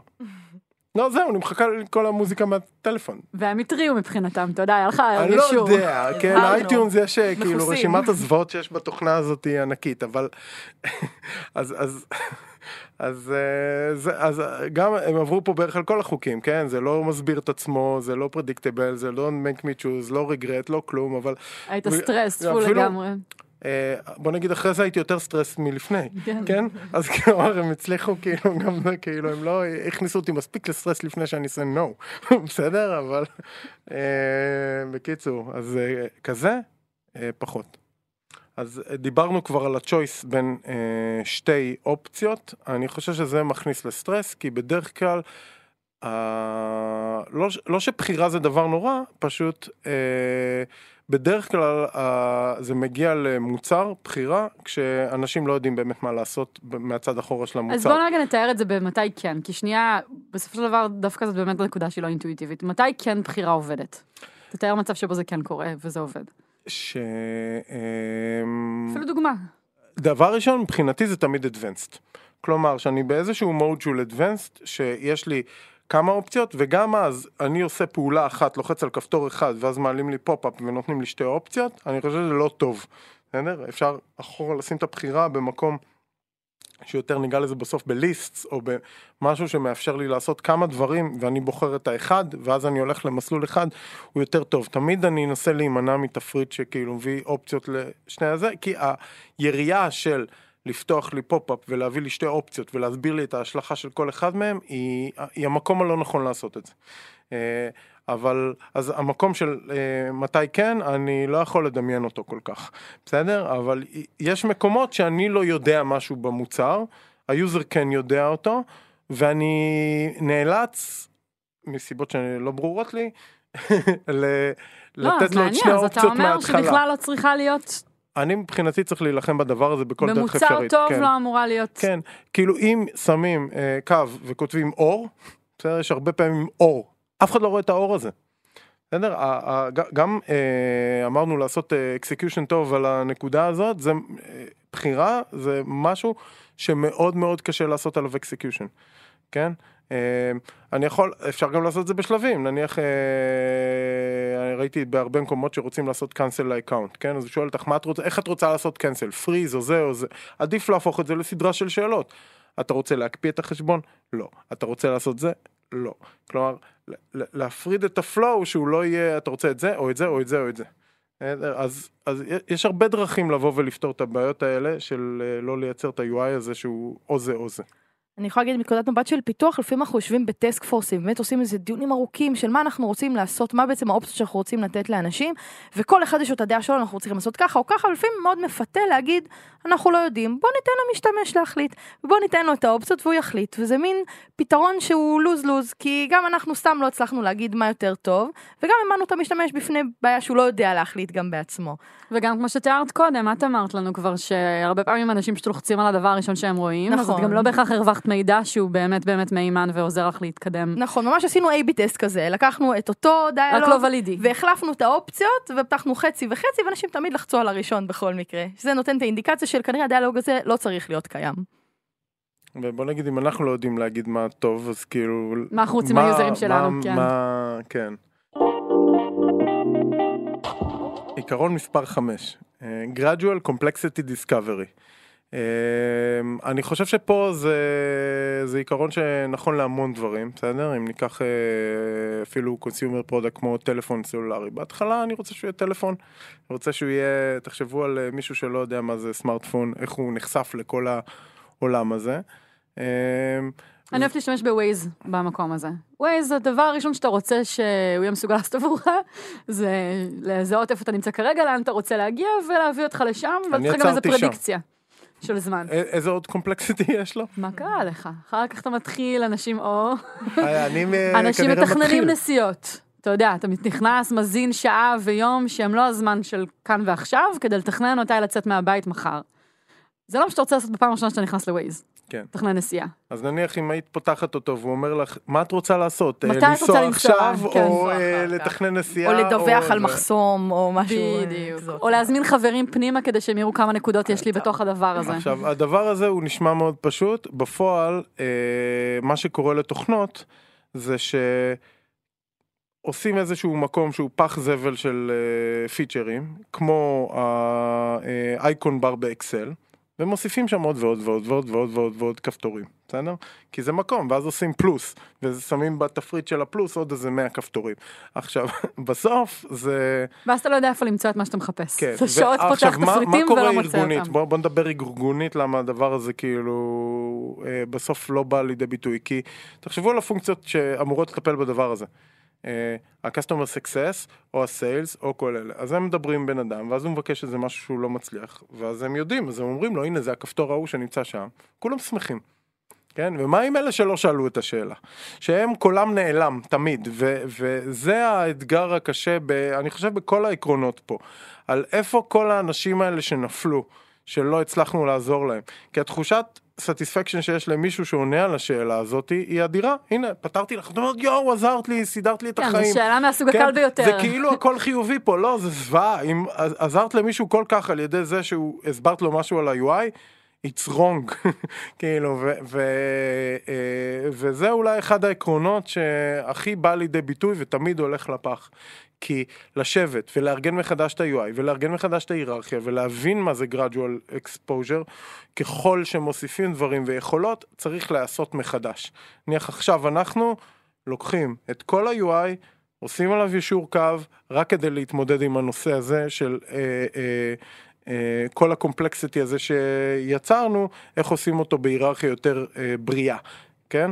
ויש יש עוד כמה טיפים, אבל בוא נדבר על כמה דוגמאות. כן, אז אה, אחת הדוגמאות היא שאנחנו בעצם לבורדים שלנו יכולים להוסיף כל מיני סוגים של עמודות, אה, מכל מיני סוגים, אה, סטטוסים, מספרים, והיה גם פרק כאן שדיבר על, ה- על ההאקתון שעשינו של להוסיף עוד עמודות חדשות. בעצם עכשיו יש לנו... איילה. פרק של איילה. אנחנו תמיד נותנים למשתמש בפעם הראשונה, או בתפריט הראשון, את האופציות הכי נפוצות, את העמודות הכי שימושיות שיש. אם רוצים לראות עוד עולם גדול ועשיר של עוד אפשרויות, תמיד אפשר לעשות את זה, אנחנו פותחים איזשהו, אה, תראה עוד, ואז פותחים להם, תראו, הנה כל האופציות וכל העושר. אבל המשתמש הראשון שבא בפעם הראשונה, אנחנו לא רוצים להראות לו, הנה 30 אופציות של דברים שלא הולך לאיבוד. אז אנחנו באמת מראים רק את העמודות הכי שימושיות, השש או שבע, ורק מהם אפשר לבחור, אם אתה רוצה לראות עוד, תפאדל.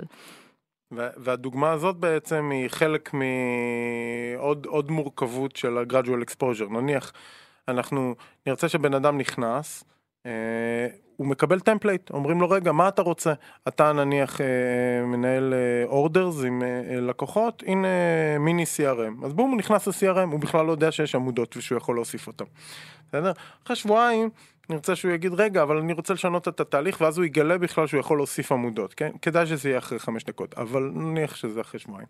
ואז הוא נכנס לתפריט שלה להוסיף עמודות, מתלהב אני יכול להוסיף עמודות, אז שם הוא רואה מעט עמודות, ואז הוא יכול להיכנס לסטור ולראות עוד המון עמודות, בסדר? אה, וגם בתוך העמודות, אנחנו נרצה גם שם לעשות, להראות את, בתוך ה-store, להראות את האלה אה, למעלה, אה, אבל נניח, נניח יש לנו formula column. אז ב-formula column אנחנו גם נרצה להגיד, טוב בסדר, מה נעשה עם formula column? נשמע מורכב, יש פה מיליון אופציות, אז גם שם רוצים gradual exposure, נניח לעשות לו setup בסיסי לכל מיני presetים שהוא יכול לבחור אותם, ואז הוא יכול להיכנס גם לנוסחה עצמה ולערוך אותה. אז כלומר, כל הזמן שמישהו יקבל משהו שהוא baked עם הסברים שהם פשוטים, אבל שיוכל לעשות drill down לבפנים ולשנות אותם. בסוף התשתית שלנו יש לבנות את המוצר והתשתית של היוזרים יש לבנות את המוצר, אנחנו רוצים שהיא תהיה אחידה. אבל ארוזה כל פעם באריזות בצורה היררכית, שכל מי שנמצא בפני איזושהי החלטה, כמו מה אני רוצה לנהל, או איך אני רוצה לשנות את הבורד, או כל דבר אחר, תמיד יהיה לו אה, אה, אפשרויות פשוטות שמסבירות לו לאן זה יכול ללכת. כלומר, זה גם דרך אה, נהדרת לא אה, לקרוא אה, help, אלא פשוט שהמוצר יסביר את הדברים האלה על ידי דוגמאות שאפשר לשנות אותם אחרת. דיפולטים, טמפלייטים, איך שלא קוראים לזה. יש עוד דוגמה, ש...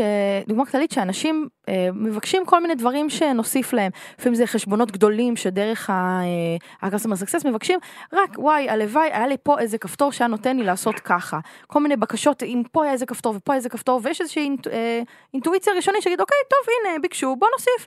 ואז מתחילים לדמיין איך הדבר הזה נראה. למשל, יש לנו עריכה של תאריכים. אמרו, אוקיי, וגם תנו לנו להוסיף אה, אופציה להזיז אותם בבת אחת, ולשנות אותם בבת אחת, ועוד אלף ואחת רעיונות, ואמרנו, אוקיי, רגע, איך נשים את הכל עכשיו בחלון אחד, וזה לא הדבר הראשון שאנשים רוצים בכלל לעשות. אז כאילו האינטואיציה של, אוקיי, בוא, סבבה, ביקשו, בוא נוסיף, זה גם קל טכנית, אבל אנחנו, רגע, רגע, אנחנו רוצים עדיין לקדש את, ה, את הפשטות, ואת ה... לא בבת אחת לעשות over, חוויה overwhelming, של הנה המון המון המון אופציות קשות. אני חושבת שיש פה עוד שני דברים שעולים ממה ששניכם אומרים, אחד זה ש... צריך לזכור שכל user נמצא בכאן ועכשיו שלו, ורק בכאן ועכשיו שלו. זאת אומרת, זה שעכשיו אני הגעתי לשלב שאני מוכנה לעוד, כפ... לעוד כפתור בחוויה שלי, לא אומר שהבן אדם שהולך להיכנס בפעם הראשונה, או ברגע הראשון של היום, לפלטפורמה באמת רוצה לחוות אותה חוויה. וזה נראה לי גם מתחבר לזה שאנחנו כל הזמן צריכים מין עם עצמנו להמציא את הגלגל מחדש. כי זה שעכשיו נוצרו פיצ'רים חדשים, לא אומר שצריך להוסיף אותם בהיררכיה שבה הם נוצרו מן הסתם, נכון? נכון? יש פה דרך לבוא ולייצר priority לדבר הזה, כלומר, פיצ'ר שהוא יותר advanced, נניח כל האופציות שתיארת. אם האופציה הזאת יותר advanced, היא לאחוז קטן מה-userים שרוצה משהו שהוא יותר מורכב, אני אומר לקבור את זה. בסדר? זה אנשים שהם גם ככה חופרים במערכת, כן, זה חוזר למילה discovery, מי שירצה כן. לעשות את התהליך הזה יגיע לשם בסוף. כן, ואני יכול להגיד שגם אה, היה לנו כל מיני אה, חוויות אחרות, אני, אני זוכר שבהתחלה הכנסנו את ה-filters, לי היה מאוד חשוב שהפילטר יהיה דבר שהוא advanced יותר, שלב ראשון יהיה את ה-board, אחרי זה יהיה פילטר על ה-board, כלומר אין לי data, כבר אני בא ואומר לך בוא תעשה פילטר, אז שמנו את זה שם, היה כפתור search שעושה פילטר, כאילו פילטר כזה בטקסט, וה-advanced filter היה כפתור אפור קטן כאילו בתוך ה... זה, והוא היה מאוד מאוד קטן, מאוד מאוד אפור. ככה, הכי מוחבא שהצלחת. היה לי חשוב שהוא יהיה מאוד מוחבא, כן? הוא, בסוף גילינו שזה פיצ'ר שטל אה, קידם ש-50% מהאנשים בבורד משתמשים בו, שהוא מאוד מאוד לא... אה, אה, קטן כאילו, ושולי על כן, המרכזי. ו- ופה זה גם יש שאלה, כלומר האם בחוויה, בחמש דקות הראשונות בונים בורד ואחרי זה משתמשים בפילטר, זה גם גרדואל, זה אולי מאוד מהיר. אבל זה גרדואל, אז כלומר ההיררכיה צריכה לסמן את הגרדואליות הזאת, והעובדה שזה היה בחץ קטן ואפור לא מנע מאנשים למצוא אותו. אה, כי אולי זה היה מספיק בולט או ברור כשלב הבא שהם כן. חיפשו את זה. אז השאלה גם אם זה משהו שאת רוצה לדחוף אותו והוא לא אינטואיטיבי, או משהו שהוא כן אינטואיטיבי ויחפשו אותו. כלומר, אם זה משהו שאת יודעת שאנשים מחפשים אותו, או ששיווקת להם, מחר, אפשר גם לקבור אותו כי הם ימצאו אותו, בסדר? אה, אפשר לקחת דוגמה, אה, אה, נניח מ-Wix ב-publish של website, כאילו, את יודעת שאת בסוף עושה publish ל-website באינטרנט. נכון. הכפתור הזה, אני לא צריך. לדחוף כן, אותו נכון. אה, אה, אה, ראשון במערכת, כי ברור שאם נכון. בניתי אתר אני רוצה שהוא יהיה בסוף באינטרנט. נכון, לעומת פיצ'רים אחרים שהם יותר advanced שהם יכולים לקבור אותם במקומות אחרים. והם אז, עושים את זה. אז כן. כלומר זה גם איזשהו נקודה של המון הבנה של מה היוזרים מבינים, מה אינטואיטיבי להם, מה הם מחפשים, מה הם לא מחפשים, מה אנחנו רוצים שלב. לדחוף ובאיזה שלב. ובאמת הנקודה אבל של הזמן היא קריטית כאן לדעתי, כי לפעמים זה עניין תפיסתי. זאת אומרת, אני מדמיינת כל הזמן כשאתם מדברים על הנקודה הזאת, את סניף ענק של זרה, בסדר? למה אני לא נכנסת לחנויות האלה? כי זה מציף, זה פשוט חוויה מציפה מבחינה חושית, זה בכלל לא קשור שנייה ל... ל... ליכולת שלי להתמודד עם המידע, עצם המפגש הראשון הזה עם כל כך הרבה אופציות משתק, ואתה כאילו, לי יש תמיד את האינטואיציה של טוב, לא תודה, אני אחפש את זה במקום קטן יותר. עכשיו, יכול להיות שאם היו יוצרים לי איזשהו מסדרון הדרגתי, או היו, או, או מתי זה כן עובד טוב? כשמסמנים, נכון? כשיש לפעמים ב, בסופרמרקטים גדולים בארצות הברית זה קורה. כל אה, מסדרון ממש מסומן, אתה לא צריך ללכת ולחפש, כתוב לך כאן שמאלות, אבל כאן ה- חצאיות, וזו דוגמה כזאת קלאסית של החלב תמיד בסוף. כדי שתעבור את כל ואם התהליך. כבר אמרת את הסופר, אז אה, צריך להביא לו פה קרדיט לאבי, שהיו כאילו מאוד אוהב את הדוגמה הזאת של אה, המנכ"ל של וויקס, שהחלב תמיד בסוף של הסופר. למה? אז כולם אומרים שתעברי בדרך ותקני בדרך, אבל לא, לא שתקני, שתראי מה עוד יש. בסדר? ואז את יודעת שזה מה שיש שם, אז תדעי פעם הבאה ללכת לשם. מדהים. עכשיו- אבל היה לי אינטנט ללכת את ההליכה הזאת מלכתחילה, כי אני בדרך לחלב כי את מבחינתי. יודעת מה זה, והם יודעים שאת רוצה את זה, והם יודעים שאת יודעת שיש חלב. גם חדרי מדידות אגב, בסוף, לדעתי. נכון. אה, אז, אז, חלב וחדרי מדידות. אז זה, זה כלים שאפשר להשתמש בהם, אבל אה, אה, שוב פעם, כדי לייצר איזושהי חוויה של חוסר עומס והדרגתיות, אני חושב שמשחקים עושים את זה הכי טוב. מה הכוונה? משחקים, במשחק, אני לא יודע כמה פעמים שיחק משחק מורכב, כמה משחקים מורכבים אפילו על האייפון, שהם נותנים לך שלב פשוט, ואחרי זה שלב יותר מתקדם ויותר מתקדם, כל פעם מלמדים אותך משהו אחד, תוך נכון. חמש דקות אני מגיע למצב שיש לי עשר. אצבעות על האייפון שעושים, נכון. שעובדות ביחד, ואני כאילו איזה מאסטר של משהו שכאילו אמרתי, איך, כאילו, נהייתי אגב- כל כך מומחה בכל כך זמן זו קצר. דוגמה מעולה, כי גם יש לך אבל- חוויית הצלחה ראשונית מאוד מובהקת נכון. במקומות כן. האלה. תמיד השלב הראשון יהיה לך סופר קל, ו- ואתה תבין אותו ממש מהר. ויש להם יתרון אחד, שזה gamification במשחקים, הוא מאוד game בתוך כן. הסיפור. כן, נכון. לא, הוא, זה כאילו, אני צוחק. זה זה, זה משחק. נכון. אז ה- המשחק, אני מוכן להקשיב להם חמש דקות. אין את זה אצלנו. לנו, אף אחד לא מוכן להקשיב לנו חמש דקות. הוא רוצה שזה יעבוד משנייה אפס ולא מוכנים ללמוד כלום. אז ה-gradual exposure צריך להיות כזה שאנשים מוכנים אליו. הם לא מוכנים אליו באפליקציה. וניסינו את כל ה... אני לא, אני לא יודע כמה פעמים ניסינו לעשות את זה הדרגתי שלבי, אנשים לא מוכנים ללכת לפי השלבים שאנחנו הגדרנו של ה-exposure שלהם, הם רוצים בדרך שלהם, אז כאילו זה צריך להיות sandbox, אם משווים את זה למשחקים, שכל אחד יכול לעשות כל מה שהוא רוצה תמיד. ואיכשהו כולם הולכים באותו מסלול ולומדים את הדברים האלה, או במסלולים שונים, אבל מגיעים לאותו מקום. וזה קשה. זה קשה פי אלף, כי כל הפרדיגמות שעובדות במשחקים לא עובדות באפליקציית, אה, אה, אה, באפליקציות מהסוג הזה, אבל עדיין החוויות הכי כיפיות הם משחקים. עיקרון מספר 6, meaningful copy.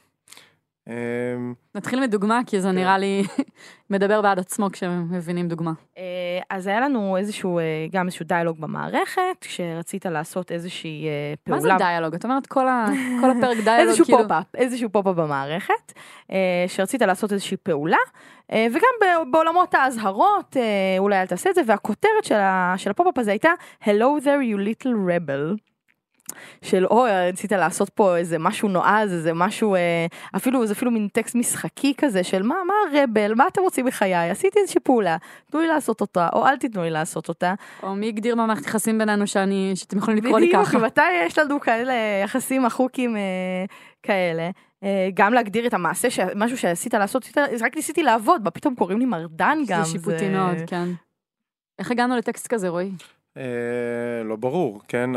וגם מה הטקסט הזה אומר לי, באמת? זה באמת לא מינינגפול קופי. זה כלום, זה פשוט לא עוזר לשום דבר. עכשיו, זה איפשהו אנחנו צריכים להבין כאילו, זה לא עניין של קופי טוב, לא קופי טוב, אה, זה, זה כאילו, מה הקופי אמור לשרת? הוא אמור לשרת... לדעתי ובכלל כל המערכת ובערך כל מה שאנחנו מדברים עליו פה שהאפליקציה היא סרבנט היא אמורה לשרת אותי כל הזמן זה כאילו השירות הכי טוב שיש בסדר? וזה לא טקסט שכאילו... מקדם תקשורת, בבהירות. או משהו. אז המקום, עשיתי פעולה, אני צריך להבין אותה הכי הרבה שיש. עכשיו, אם זה מקום שצריך הרבה טקסט להסביר, אז בוא נשים הרבה טקסט. אם זה מקום שלא צריך טקסט ואפשר להימנע ממנו בכלל, אז בוא נעשה את זה. אבל אה, אה, לבוא ולנסות להיות עם אישיות, ואני חושב שסלק עשו את זה מאוד יפה, יש להם אישיות. בקופי. אז עכשיו, אני חושב שאיפשהו אנחנו ניסינו שיהיה לנו אישיות, אבל האישיות הזאת הייתה מעצבנת בסוף, כאילו מצחיק, אבל זה לא מצחיק אותי. גם תלוי את מי זה מצחיק, אתה יודע, אם עכשיו אני אה, Head of R&D ב-HP, זה לא כזה מצחיק אותי, כאילו... וגם מתי, באיזה פעולה, אם את עושה עכשיו פעולה שיכולה לשנות, אה, שעוסקת ב-payments או בדברים כאלה, חלילה, אסור להתבדח עכשיו על משהו כזה. בדברים שיותר יומיומיים, אולי עוד אפשר לשקול, אבל יש דברים של אבל... אובדן מידע. והנושא של המצחיק, אני חושב שהוא תמיד בא על חשבון בהיר, כן? כאילו אם מנסים להיות מצחיקים. כן, יש שם התחכמות כזאת. כן. אה, copy זה דבר קשה. עכשיו אני, אני יכול לתת גם סיטואציות שזה לא רק ה-copy עצמו, אלא גם מתי עושים אותו. נניח, אה, לא יעזור מה הם יעשו בשום סיטואציה, שאני בגט טקסי או בווייז פותח אותם, אני לא רוצה לשמוע על שום דבר אחר, תנו לי כאילו להזמין מונית, זה לא הזמן שלי ללמוד על משהו אחר שאתם רוצים לקדם, בסדר? כי אני בלחץ, אני תמיד, אני רוצה להזמין מונית, אני רוצה להזמין אותה, אני לא רוצה משהו אחר. עכשיו, אז, אז, אה, אה, ולעומת זאת נניח בפרוגרס בר שדברים ניתנים זה הזדמנות טובה להיות אולי מצחיקים כי אני לא עושה כלום כל עוד מבינים את זה נכון. אני חושב שגם אצלנו יש שם כל מיני הודעות שבקונטקסט מסוים אני חושב שזה קשור להודעה שלי ופשוט אנחנו מריצים שם טקסטים אה, כן, כאילו בטעינה. מצחיק זו דוגמה אחת אני חושבת שנגיד ווי טרנספר תקפו את זה יפה כשאתה מוריד קובץ ואתה חייב להישאר על המסך שלהם אז יש שם איזושהי תמונה יפה אז הרווחתי כן. חוויה של מעניין כן. לי בעין והיא מתחלפת כל פעם וזה חדשני וזה נחמד אז זאת עוד דרך. להוסיף ערך, אבל באמת צריך להבין את הקונטקסט. אני יכול להביא גם אה, דוגמה למצחיקות שאולי הייתה נחמדה, זה שיש לנו באימיילים טיפים למטה לפיצ'רים שיש, אז היה uh, you can uh, duplicate pulses, you can duplicate pulses. כתוב ככה, אז זה נניח עובד, זה משרת את המטרה וכאלה. אבל זה מעצים את המסר. כן. אז הייתה לנו גם דוגמה, דוגמה קשה, אה, כשיש איזה מסך שנותנים לאנשים להעלות תמונת פרופיל, אה, ויש שם איזה טקסט נחמד שגם מתחלף אה, כל פעם איזשהו טקסט אחר, איזה תמונה יפה, או יש לך good hair day, כל מיני דברים כאלה. עכשיו מישהו העלה תמונה לרשתות החברתיות של, שלו, של אדם שהוא קרח, עם הכיתוב, oh what a good great hair day, וכזה מה, מה אתם צוחקים עליי, מה אתם רוצים ממני, מה פתאום. אז זה נגיד דוגמה של משהו שחשבנו, זה ידידותי, זה נחמד, זה חביב, אבל לא חשבנו על כל האנשים הרלוונטיים. אמ, והנושא של המצחיק זה נקודה אחת קטנה, אני אתן סיטואציה אחרת שהיא פשוט לא טובה מכל הכיוונים לאמפתיה להבין את הבן אדם. עשינו אה, feature חד, אה, נוסף של churn, אם מישהו רוצה לעזוב את ה account אנחנו מציעים לו תעשה freeze אה, ל account, תעצור אותו. ואז אמרנו the account is frozen, בסדר, פעולה נהדרת, הסברנו גם מה זה אומר, מישהו עושה freeze. עכשיו מישהו בא וחוזר ועושה unfreeze, כן? אז ה pop-up הזה היה your account is frozen, unfreeze, זה כאילו ה-UI היה שם, כן? כאילו, חזרתי ארבעה חודשים אחרי זה, אני עושה unfreeze, מה המשמעות של זה? כאילו המשמעות של זה הייתה לפעמים לחייב לו את הכרטיס אשראי אבל זה לא אמרנו. במקום זה אחרי שהוא לחץ על ה unfreeze גם לא אמרנו לו. אמרנו yay you unfroze the אנחנו כל כך שמחים שעשית unfreeze ואתה חוזר להשתמש בנו. אנחנו מאוד שמחים. למי אכפת? מה זה אומר הדבר הזה? דבר ראשון מה זה freeze זה מילה שלנו כן? מה זה unfreeze זה אומר שאני מה אני אמשיך ל... היה לך ככה ב account, עכשיו יש לך ככה, זה נשאר לך ככה חודשים, לככה יוזרים, זה מה שתעשה. המון טקסט שצריך להסביר פה מה קורה. אם תלחץ על זה, אנחנו נחייב אותך אוטומטית בסוף ה- את ה- הזמן של ה-unfreeze, וכל מיני השלכות כאלה, כאילו, ולשלוח לו, רק לאשר לו. לפני שהוא לוחץ על הכפתור מה זה המשמעות של זה, כי יש פה גם משמעות פיננסית, ואחרי שהוא לחץ על לאשר לו שוב פעם מחדש, אז זה מה שהולך לקרות. לא עשינו שום דבר מהדברים האלה, רק כתבנו שם, הכל השתמש באותה מילה שהיא נקראת פריז, בסדר? שלא הסברנו אותה פעם אחת. אני חושבת שהנקודה הזאת מתחברת למשהו שאנחנו קוראים לו, זה בטח לא חופף, אבל יש שם הרבה קשר ל do good שדיברנו עליו בתקופה האחרונה בחברה. אתה רוצה ככה לתת קצת context על זה? כן, אבל פה זה דווקא לא היה ממניעים אה, של do good או לא do good, זה היה פשוט אה, חוסר אמפתיה למצב של ה user אחרי ארבעה חודשים שהוא לא, בא אבל לכן. אני אומרת, ה do כן. good אומר, בוא נהיה אמפתיים good- לאנשים. בוא נזהיר כן. אותם אם אנחנו עומדים לחייב על- אותם. על- כן, אז, אז, אז יש לנו, אה, ספציפית ה do good, אנחנו לקחנו את כל הדברים שיוצרים friction, ובוא נגיד אה, סבל לאנשים והתעסקות ו... ופוגעים ו- באדם קרח שאיחלנו לו good hair day, באמת. נכון. וכאלה דברים, ועושים לזה backlog, בעצם רשימה של דברים, ומורידים אותם.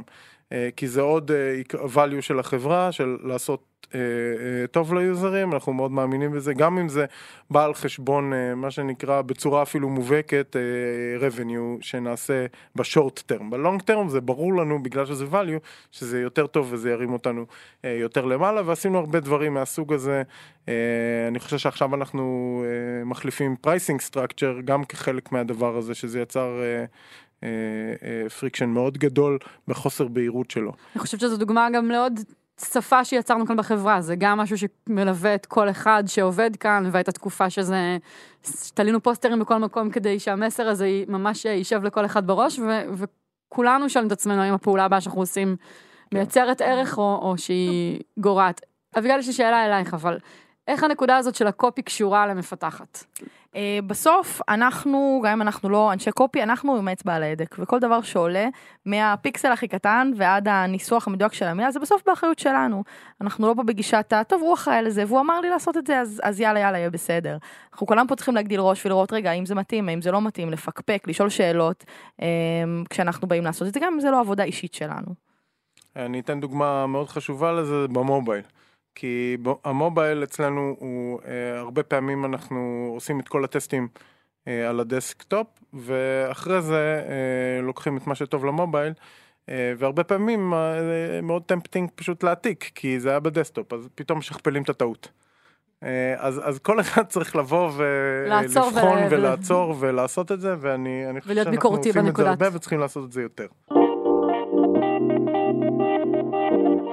נקודה אחרונה, מספר 7, lists. עכשיו, ליסט זה... רשימות בעברית. זה רשימות בעברית, אה, וזה נושא שצריך להרחיב עליו, זה פשוט UI אלמנט, כן? עכשיו, כמו שכפתור צריך להיות ברור שהוא כפתור, והרבה פעמים לא ברור שהוא כפתור, לליסט יש אה, קטע מאוד מאוד חזק, שהרבה פעמים עושים לו abuse. עכשיו, עשינו מלא... אחת הדוגמאות לליסט גרוע, זה הפאנל של הכפתורים במעלית פה בבניין. אף אחד לא מבין איך לרדת למטה, למה? כי זה הדוגמה, כי הלמטה הוא מיוחד, נכון? אז צבעו אותו בירוק, אז אף אחד לא רואה אותו. כי כל הכפתורים הם בצורה מסוימת, והוא נראה כמו איזה משהו אחר שם, אז לא ברור שהוא בכלל כפתור, אנשים נכנסים למעלית ואומרים רגע איך אני יורד, ומסתכלים על זה ולא מבינים, והוא פשוט נעלם להם, טוב, כי הוא דוגמת מיוחד. המעליות בבניין הוא- הזה אפשר לקחת עוד יותר כן, רחוק אם אתה ממש מעליות זה רוצה. נושא ספציפי לה- להמון דברים, אבל... ב- יש לנו אני- גם כאן ארבע מעליות שלוקחות אותך לקומות מסוימות, ארבע שלוקחות אותך לקומות אחרות, אבל זה לא מסומן ככה, אז אתה לא באמת יודע. לפעמים אנשים נכנסים למעלית, ואין להם איך מושג איך להגיע לקומה הנכונה. פתחנו פה תיבת פנדורה. של, של הרבה של כאב, של UI. וכאב של אה, ליאור עם המעליות. אה, לנקודת הרשימות, זה, יש כמה עקרונות שכאילו של רשימה של אה, כל האובייקטים בתוך הרשימה צריכים להיראות אותו דבר וכחלק מהרשימה. זה קרה לנו גם אה, ב mobile, אני חושב, ב boards, שרצינו להוסיף, לחשוף עוד מידע ל board בחוץ ברשימה, ופתאום היא הופכת להיות לא רשימה. כי, כי אנשים לא מזהים את ה repetitiveness של זה, אז זה פתאום לא board, זה פתאום רשימה של מלא דברים כאילו שאני לא מבין מה הם. או נניח אה, למי שמכם נכנס לאתר Startup for Startup עכשיו ב mobile. נגיד. בסדר? נגיד. אז יש את הרשימה של הפרקים, אבל לא ברור אם הכותרת קשורה ל play שמלמעלה או ל description שמלמטה, זה כזה בליל כזה ו... הם לא ידעו על מה אתה מדבר, כי עד שנשחרר את הפרק הזה זה כבר יתוקן, אז חבל. הלוואי. נראה תמונה אז של לפני תשמרי- ואחרי. תשמרי. פרינט סקרין כאילו שם. בתוך הזה. אמ, עכשיו רשימות זה גם מאוד חזק, בסדר? ה- מה הצד החיובי ברשימה? ש... ואנחנו מאוד מאמינים בהקשר הזה ב-WI ולשים, אה, גם לפזר את הפיצ'רים במקום, בקונטקסט שלהם בתוך ה-UI, אבל גם לעשות רשימה שמאפשרת את זה במקביל. למה? כי כשהפיצ'רים מפוזרים אני צריך כאילו discovery, אני צריך ללכת וללחוץ על כל הכפתורים, אף אחד לא עושה את זה, כאילו ללכת ללחוץ על כפתורים לראות מה הם עושים. לעומת זאת ברשימה אני יכול לעבור ולראות רגע האובייקט הזה זה האופציות שיש לי. אה, וזה מאוד חזק זה discovery מאוד חזק זה משהו שמישהו הולך לאיבוד הוא הולך ישר לרשימה אגב, זה חזק בהנחה שאתה לא מוצא את עצמך עושה את מה שתיארנו קודם על אה, Excel לצורך העניין, שאתה מתחיל לדחוף דברים בתתי רשימות שהם לא קשורים בהכרח לפעולה. אז אה, אפשר גם ברשימה צריך אפשר לעשות היררכיות ולבנות את זה כמו שצריך אבל העובדה שאני יכול לעבור על סט של דברים ולראות את כל האופציות בסדר ורצוי לא לשים שם אופציה אחת שהיא בעלת משמעות אינסופית ואחת שהיא כלום ביחד זה היררכיה לא טובה לרשימה אפשר לתת תפריטים או כל מיני פתרונות אחרים אבל רשימה זה דבר חזק עכשיו בכל טעות number 1 ברשימה זה להבליט משהו. מבליטים את האופציה, שמים את הראשונה ומבליטים אותה, היא נראית כמו הכותרת, היא לא לחיצה. יש לי את הדוגמה, וואי, היא, היא פחות מזעזעת מ iTunes, אבל קרוב לאותו דבר. אה, עוד סיבה שעברת לאנדרואיד. אה, לא, PayPal. סבבה. PayPal. אני באתי לראות איזה, לשנות איזה משהו בפרופיל שלי. זה שזה אייקון שהיה שם profiles או settings או משהו כזה. ואני עומד מעל התפריט, בסדר? ואני מנסה לראות את, כאילו, את האופציה הזאת שם, והיא לא נמצאת בתוך התפריט הזה, בסדר? ואז אני, כאילו, הולך לגוגל, ואומרים, זה נמצא בתוך התפריט הזה. ואז נכנס, אני לא מבין. אז היה איזה סרט ביוטיוב שהסביר את זה, כן? והסתכלתי, והם עשו משהו מדהים. וזה, את האמת זה מפר עוד עיקרון, לא רק של הרשימות. הם עשו משהו שנכון, יש את הכותרת של התפריט שפותחת את התפריט, הוא היה לחיץ. אני עושה איטי hover, נפתח התפריט, ואז הייתי יכול ללחוץ עליו ולהיכנס לבפנים. בסדר? זה בעצם היה להם עוד אופציה בתוך הרשימה הזאת שמראה more, אבל היא לא הופיעה למטה בתור more, היא השם שלה, חסכו ב-UI, עשו אותו יותר מינימלי. לא יכולתי להבין את זה, זה היה גם נראה לי לא הגיוני כשהוא עשה את זה. עשיתי stop ו play וחזרתי אחורה ולראות כאילו בדיוק איך נכנסים לדבר הזה, ושם נפתח עולם שלם של עוד מיליון אופציות, ווואו, כאילו, אה, זה, זה, זה גם עוד עיקרון שכאילו לא נגענו בו של... אה, אה, אה, בחלק מהמקומות קראו לזה brain friction, זה שבספר אה, The Inmates are running the asylum, זה חתיכת UI שיש לה פונקציה שונה בסיטואציות שונות. בסדר? ההקשר, כן, שינית כן. את ההקשר ופתאום אתה לא יודע איך לעבוד עם זה. כן, את זה גם שווה להסביר וגם לזה יש לי, אז בסדר, רשימות אני חושב שכאילו, אה, אה, אתה לא ממשיך להסביר על עקרונות, יש לנו עוד שלב לפרק הזה. מה? אנחנו צריכים לסגור את הפרק עם עוד... אה, יש עוד אחד שאני חייב, זו דוגמה אדירה על יאללה. הנקודה הזאת, בסדר? אז, אז רשימות זה דבר חזק וצריך לדעת להשתמש בו ו- ולשים אותו במקומות הנכונים ולא לנסות להבליט דברים. לא להבליט דברים זה אומר להבליט אותם, כי אנשים עוברים על הכל. אה, יש עוד איזה דוגמה נהדרת ל-UI שהוא לא טוב, זה שיש לאותה חתיכת UI אה, משמעות כפולה בסיטואציות שונות. כאילו עשיתי סוויץ' למשהו, ועכשיו ה-UI אותו, אותו כפתור יש לו משמעות אחרת. זה אחד הדברים הכי נוראים בספר Inmates, The Inmates are Running the Asylum. הוא ספר נהדר וקשה לקריאה כי הוא יורד על כל ה... בגדול על, על engineering הוא יורד כי הם תמיד עושים את הטעויות האלה, אבל אה, אה, יש לי דוגמה נהדרת לדבר הזה.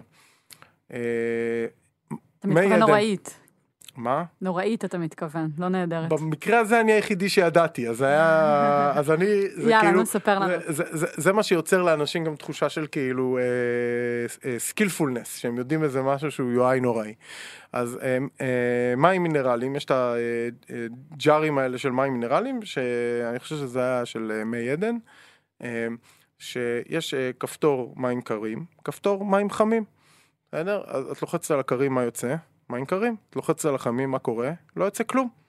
אז היה חברה שלמה של אנשים, מלא ג'ארים כאלה, שחשבו שזה מקולקל אצל כולם, בסדר? כי כאילו זה פשוט. עכשיו, מה הם עשו בפועל? הם עשו safety. את צריכה ללחוץ על המים החמים, ואז כשאת לוחצת על המים החמים, את לוחצת על הקרים ועוזבת, וזה ה safety אה, למים החמים.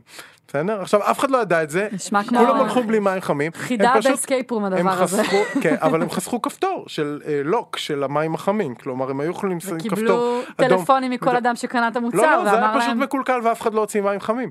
אבל אני, כשהמתקין הגיע, הוא הסביר את זה, אני ידעתי. אז התסכול שלי לא היה כזה גדול, אבל זה, זה פשוט פיגור. עכשיו, זה בדיוק אז הם כן הדאבל- קיבלו טלפונים מלקוחות לא מרוצים שחשבו שהכפתור מקולקל. אה, יכול להיות. אבל הם, שוב, אז נגיע למבנה הארגוני. מי שהתקשר ואמר שזה מקולקל, קיבל את התשובה, והוא ידע, ואז כל שאר האנשים כן. לא ידעו, אז כאילו, מי שהתלונן ידע. והנותן השירות הרגיש והוא- נפלא, כי הוא כן. ידע בדיוק את התשובה, בדיוק, וזה היה אז- מאוד קל אז להסביר. זה לא שכאילו מישהו בא, המומנט בצד אורחים השני. שהגיעו לחברה ידעו את הדבר הזה, או מישהו ידע את הדבר הזה, אלא אה, התשובה היא, זה לא, מקול- זה לא באג, זה פיצ'ר. בסדר? עכשיו, חסכנו כפתור, זה עולה זול יותר. אבל, אה, אה, אז, אז ב-UI זה בא לידי ביטוי הרבה פעמים שתפריטים נפתחים ונסגרים, ואז יש איזה כפתור שיש לו איזושהי משמעות, או כל מיני דברים כאלה, אסור. real estate אחד אמור לשרת את אותו דבר, אה, וזה גם, ראיתי את זה בא לידי ביטוי בהמון מקומות שזה אותו אייקון במקום אחר. אה, שזה גם סוג של WI, כאילו פה הוא אמר משהו אחד, עכשיו הוא אומר משהו אחר, לא טוב. כן, ואם אצלם הם צריכים לעשות ריקול של אה, אלפי או מאות אלפי בקבוקים, אנחנו יכולים בכמה דקות לתקן ולהעלות דברים לכולם. אז יש לנו הרבה יותר כוח לבוא ולעשות תיקון כזה. או לא להעלות אותו מראש. עוד יותר טוב. האמת, אוקיי, אז אנחנו ככה עברנו על שבעת העקרונות, ויש שתי שאלות שאותי מלוות כל הפרק, ואביגל נדרשת כאן לתשובות. השאלה הראשונה היא, איך עובדים עם זה ביום-יום? אבל אפילו לפניה יש שאלה על איך עובדים עם זה בדיעבד. כי נגיד שעכשיו עשינו איזשהו סינכרון, וכולם יודעים שזה צריך להיות ה-state of mind, אבל את חוזרת לשולחן שלך ואת מגלה במיליון ואחת מקומות בעיות. אה, או, או דברים שמפרים את העקרונות האלה. מה, מה עושים עם זה? מה, עוצרים את הכל ועכשיו מתחילים לעשות... אה, איך, איך תקראי לתהליך הזה בכלל? תיקונים בדיעבד? רגרסיה. במקום לפתח דברים קדימה? אז זהו, זו שאלה מצוינת. אה, זה באמת, זה באמת קושי, כי אנחנו כל הזמן רוצים לרוץ קדימה ולכתוב עוד דברים חדשים, אבל אנחנו לא יכולים להזניח את הדברים, טוב, זה דברים ישנים, ו- ולא נורא, הדברים החדשים אפילו יהיו הדוגמה שנתת בסדר. במייליסט. הנה, גילינו מקום שבו עשינו טעות אולי בדרך שבה, נגיד שהגענו למסקנה שזו טעות. נכון. אז מה עושים עכשיו? עכשיו זה לא זה לא באג זאת אומרת זה לא שאנשים מתלוננים ועכשיו הם לא יכולים לעבוד רוב הדברים האלה זה דברים שהם הם פשוט הם, הם לא נכונים אבל זה לא שמשהו שבור ואנחנו כן נדרשים לתעדף אותם אז יש לנו בעצם פורום אה, אה, בחברה שנקרא cheese ה cheese gang יש לנו נציגים של פיתוח של product אה, של אה, customer success אה, ושל sales ואנחנו מתעדפים ביחד את הדברים האלה אנשים מעלים לנו מכל החברה ומלקוחות כל מיני דברים קטנים כאלה שהם לא בדיוק פיצ'ר הם לא בדיוק באג הם כל מיני דברים כאלה שהיו יכולים להיות טוב יותר. ואנחנו מנסים לתעד, לתעדף אותם, לתמחר אותם, כמה זמן ייקח לעשות אותם, מה הדחיפות של לעשות אותם, ובכל איטרציה, אנחנו עובדים באיטרציות של שבועיים, לנסות להכניס גם כמה כאלה לתמהיל של טסק פורסים ובאגים ותשתיות. כן, אבל אני אקשה עלייך עוד יותר, כי זה המקומות שבהם באמת זיהינו, צ'יז זה אומר שכבר יש משהו שמישהו מזהה שממש מפריע למישהו איפשהו. נכון. אבל, אבל את יודעת, עוד פעם נחזור שנייה לקופי, לדוגמה שהיא טיפה יותר רכה. יכול להיות שזה הפריע לך בעין ואף אחד לא יתלונן כי אף קרח לא ישתמש ואף אחד לא החליט שזה מספיק מפריע לו כדי להתלונן על זה. נכון. אז זה גם עניין של... זה. כי את כאילו מודעת לעקרונות האלה ופתאום הם מול העיניים שלך, נכון. מה תעשי אז? אז קודם כל, אז ה- ה-Backlog הזה של הצ'יזים הוא פתוח לכלל החברה. אנחנו כן מעוררים מודעות ומזמינים אנשים לבוא ולפתוח דברים שהפריעו להם, בין אם זה עלה אצלם או בין אם זה עלה אצל לקוח. אה, אז אנחנו אנשים באמת מכל החברה ומהארץ ומניו יורק מוסיפים לשם דברים שנראה להם שצריך לשנות, כולל אנחנו, כולל המפתחים. אה, אם זה משהו, את יודעת, של שנייה, יכול להיות שאני פשוט אלך ואתקן אותו, כי יש לי את הכוח הזה כמפתחת. אבל אם יש דברים שקצת יותר גדולים וכן צריכים, אוקיי, אנחנו יודעים שזה לא בסדר, צריך לחשוב מה כן יהיה בסדר, אנחנו כותבים את זה בבקלוג ומתעדפים את זה כדי לעשות את זה בהמשך כמו שצריך. אה, הנ- הנקודה החשובה לתוך הנושא הזה של הצ'יז זה שאנחנו שמים לזה מקום. נותנים לזה את השם הנכון, זה השפה של צ'יז, שהיא דרך אגב מבליזארד שהם אה, הגדירו למשחקים שלהם שהם יוצאים בלי צ'יז שהם, זה לא באג אבל זה לא כיף. וצ'יז זה כאילו מה שיש בין הרגליים. אצלהם, כן, תמונה ויזואלית, אה, זה, הפכנו את זה לגבינה אמיתית, אבל, אה, ו- וזה, ולפעמים אנחנו עושים גם צ'יז דייס, שמתכוננים אליהם ושמים רשימות מאוד גדולות של הדברים האלה ומנקים את השולחן על, על דברים שהם אה, אה, לא טובים. אני חושב שהימים האלה וגם הקיום של המילה הזאת והדברים מעלים את המודעות ש... זה משהו שאנחנו לא צריכים לחיות איתו, כלומר לקחת את הצלחת הזאת ולהחזיר אותה למטבח. והופפולי כולם עובדים על זה, זה גם מתוך משהו שלא כיף לעשות אותו, כי הוא תמיד כזה קטן ולא מקדם את המשימה, הוא נהיה מאוד כיף. והימים האלה הם מאוד מאוד כיפים, כי אנחנו מנקים כל כך הרבה דברים מהשולחן, זה מרגיש כמו הימים הכי אפקטיביים שיש, כי ההכנה אליהם זה להפוך כל אחד מהאייטמים שם להיות מאוד ברור, מאוד ברור מה שצריך לעשות, ותחושת הפרודקטיביות האישית מהימים כאלה היא, היא אינסופית. אה, אה, ומרגישים שכאילו שיפרנו את המערכת, הבאנו אותה ברגע, ביום אחד בקפיצת מדרגה. אז, אה, אז יש לנו את הטיפול בדבר הזה, וזה גם על המודעות. וגם אנשים חדשים שמגיעים למערכת, לחברה, הם רואים דברים שאנחנו, יכול להיות שכבר החלקנו, כבר התרגלנו אליהם. פתאום מגיע מישהו חדש עם פרספקטיבה חדשה ורואה, רגע, בעצם למה אני צריך ללחוץ פה ואז פה ואז פה? משהו שאצלנו הוא כבר טבע שני, ומאירים את הדברים האלה. זה הם לפעמים מעלים צ'יזים ממש ממש טובים. ועוד שאלה, איך לוקחים את הדבר הזה והופכים אותו למשהו שלוקחים בחשבון תוך כדי פיתוח של משהו חדש? אז יש כמה, כמה דרכים שאנחנו מנסים לעשות את זה, אנחנו עדיין משתכללים כל הזמן. קודם כל זה ב code reviews, כשאנחנו באים לעשות code reviews אה, לאנשים אחרים, אנחנו גם לוקחים את זה בחשבון, אנחנו גם לא רק מסתכלים על הקוד, אנחנו מסתכלים גם על ה product, אנחנו שואלים שאלות, וגם, שוב, מדברים באותה השפה, אומרים, רגע, חשבת האם, האם זה אינטואיטיבי, האם זה consistentי, זאת אומרת, רופאים יכולים לחדד איזשהם נקודות שאולי לא שמו לב אליהם קודם. אה, ויותר מזה, אנחנו גם עובדים ברמת התשתיות, למשל רשימות נכונות. אם תהיה לנו תשתית כבר במערכת כתובה של איך לעשות רשימה נכונה, ואני אצטרך לתת לה רק את הנתונים, אז אני כבר, זה יעשה בשבילי את העבודה ואני לא אוכל ליפול במקומות אם אני אכתוב את זה לבד. או אם יש לי אה, כזה pop-up של, אה, כבר אני יכולה להגיד לו, האופציה החיובית היא כזאת והאופציה השלילית היא כזאת, הם לא בטעות יתחלפו. אז uh, לעשות תשתיות חכמות ונכונות מונעות מאיתנו ליפול בעצם בכל הבורות האלה. מה שכאילו אם צריך לסכם את, ה, את כל הסיפור הזה של craftsmanship, אז uh, אני חושב שבסופו של דבר זה ברור לנו שה bottom line של החברה הוא מאוד מושפע מהדבר הזה, כולם כאילו באים ואומרים את המערכת כמה היא פשוטה, שהיא נוחה, שמרגישים כאילו איזושהי אהבה כלפי המוצר, זה מסוג הדברים שמייצרים המון מהדבר הזה. אה, אבל מבחינתי זה הרבה יותר אה, אה, המקום הזה שאנחנו, שאכפת לנו, שזה תמיד לא בא מתוך המקום של ה... טוב צריך להתקדם, צריך לעשות משהו, אלא אני רוצה לעשות אותו טוב, צריך להשתפר בזה. כלומר, זה לא שהמספרים שה, והיעדים מכתיבים לנו את כל מה שאנחנו עושים, אנחנו רוצים לעשות דברים טוב. גם וזה השפה, התעסקות גם עם אגב, הטוב. גם השפה הזאת היא תשתית בסופו של דבר. היא כן. איזושהי הבנה שגדלים ויותר אנשים נוגעים בדברים ורוצים להמשיך לזוז מהר, אבל צריך לעשות את זה נכון. כן, וזה אבולוציה, אבולוציה של... אה, אה, ש, שכל הזמן משתפר ככל שהדרישות עולות למה זה טוב, מה זה טוב בשבילנו, אנחנו מתעסקים עם זה, ואני חושב שזה... אה, אה, פשוט מעלה את הרמה של, של כל אחד פה אה, ברמה האישית שלו, שהוא מסתכל על, על מה שהוא עושה מהפרספקטיבה הזאת, ונניח לא רק מהפרספקטיבה של המספרים. אביגל, תודה רבה שהצטרפת אלינו היום. תודה. תודה רועי. תודה ליאור. תודה שהאזנתם. Oh, oh.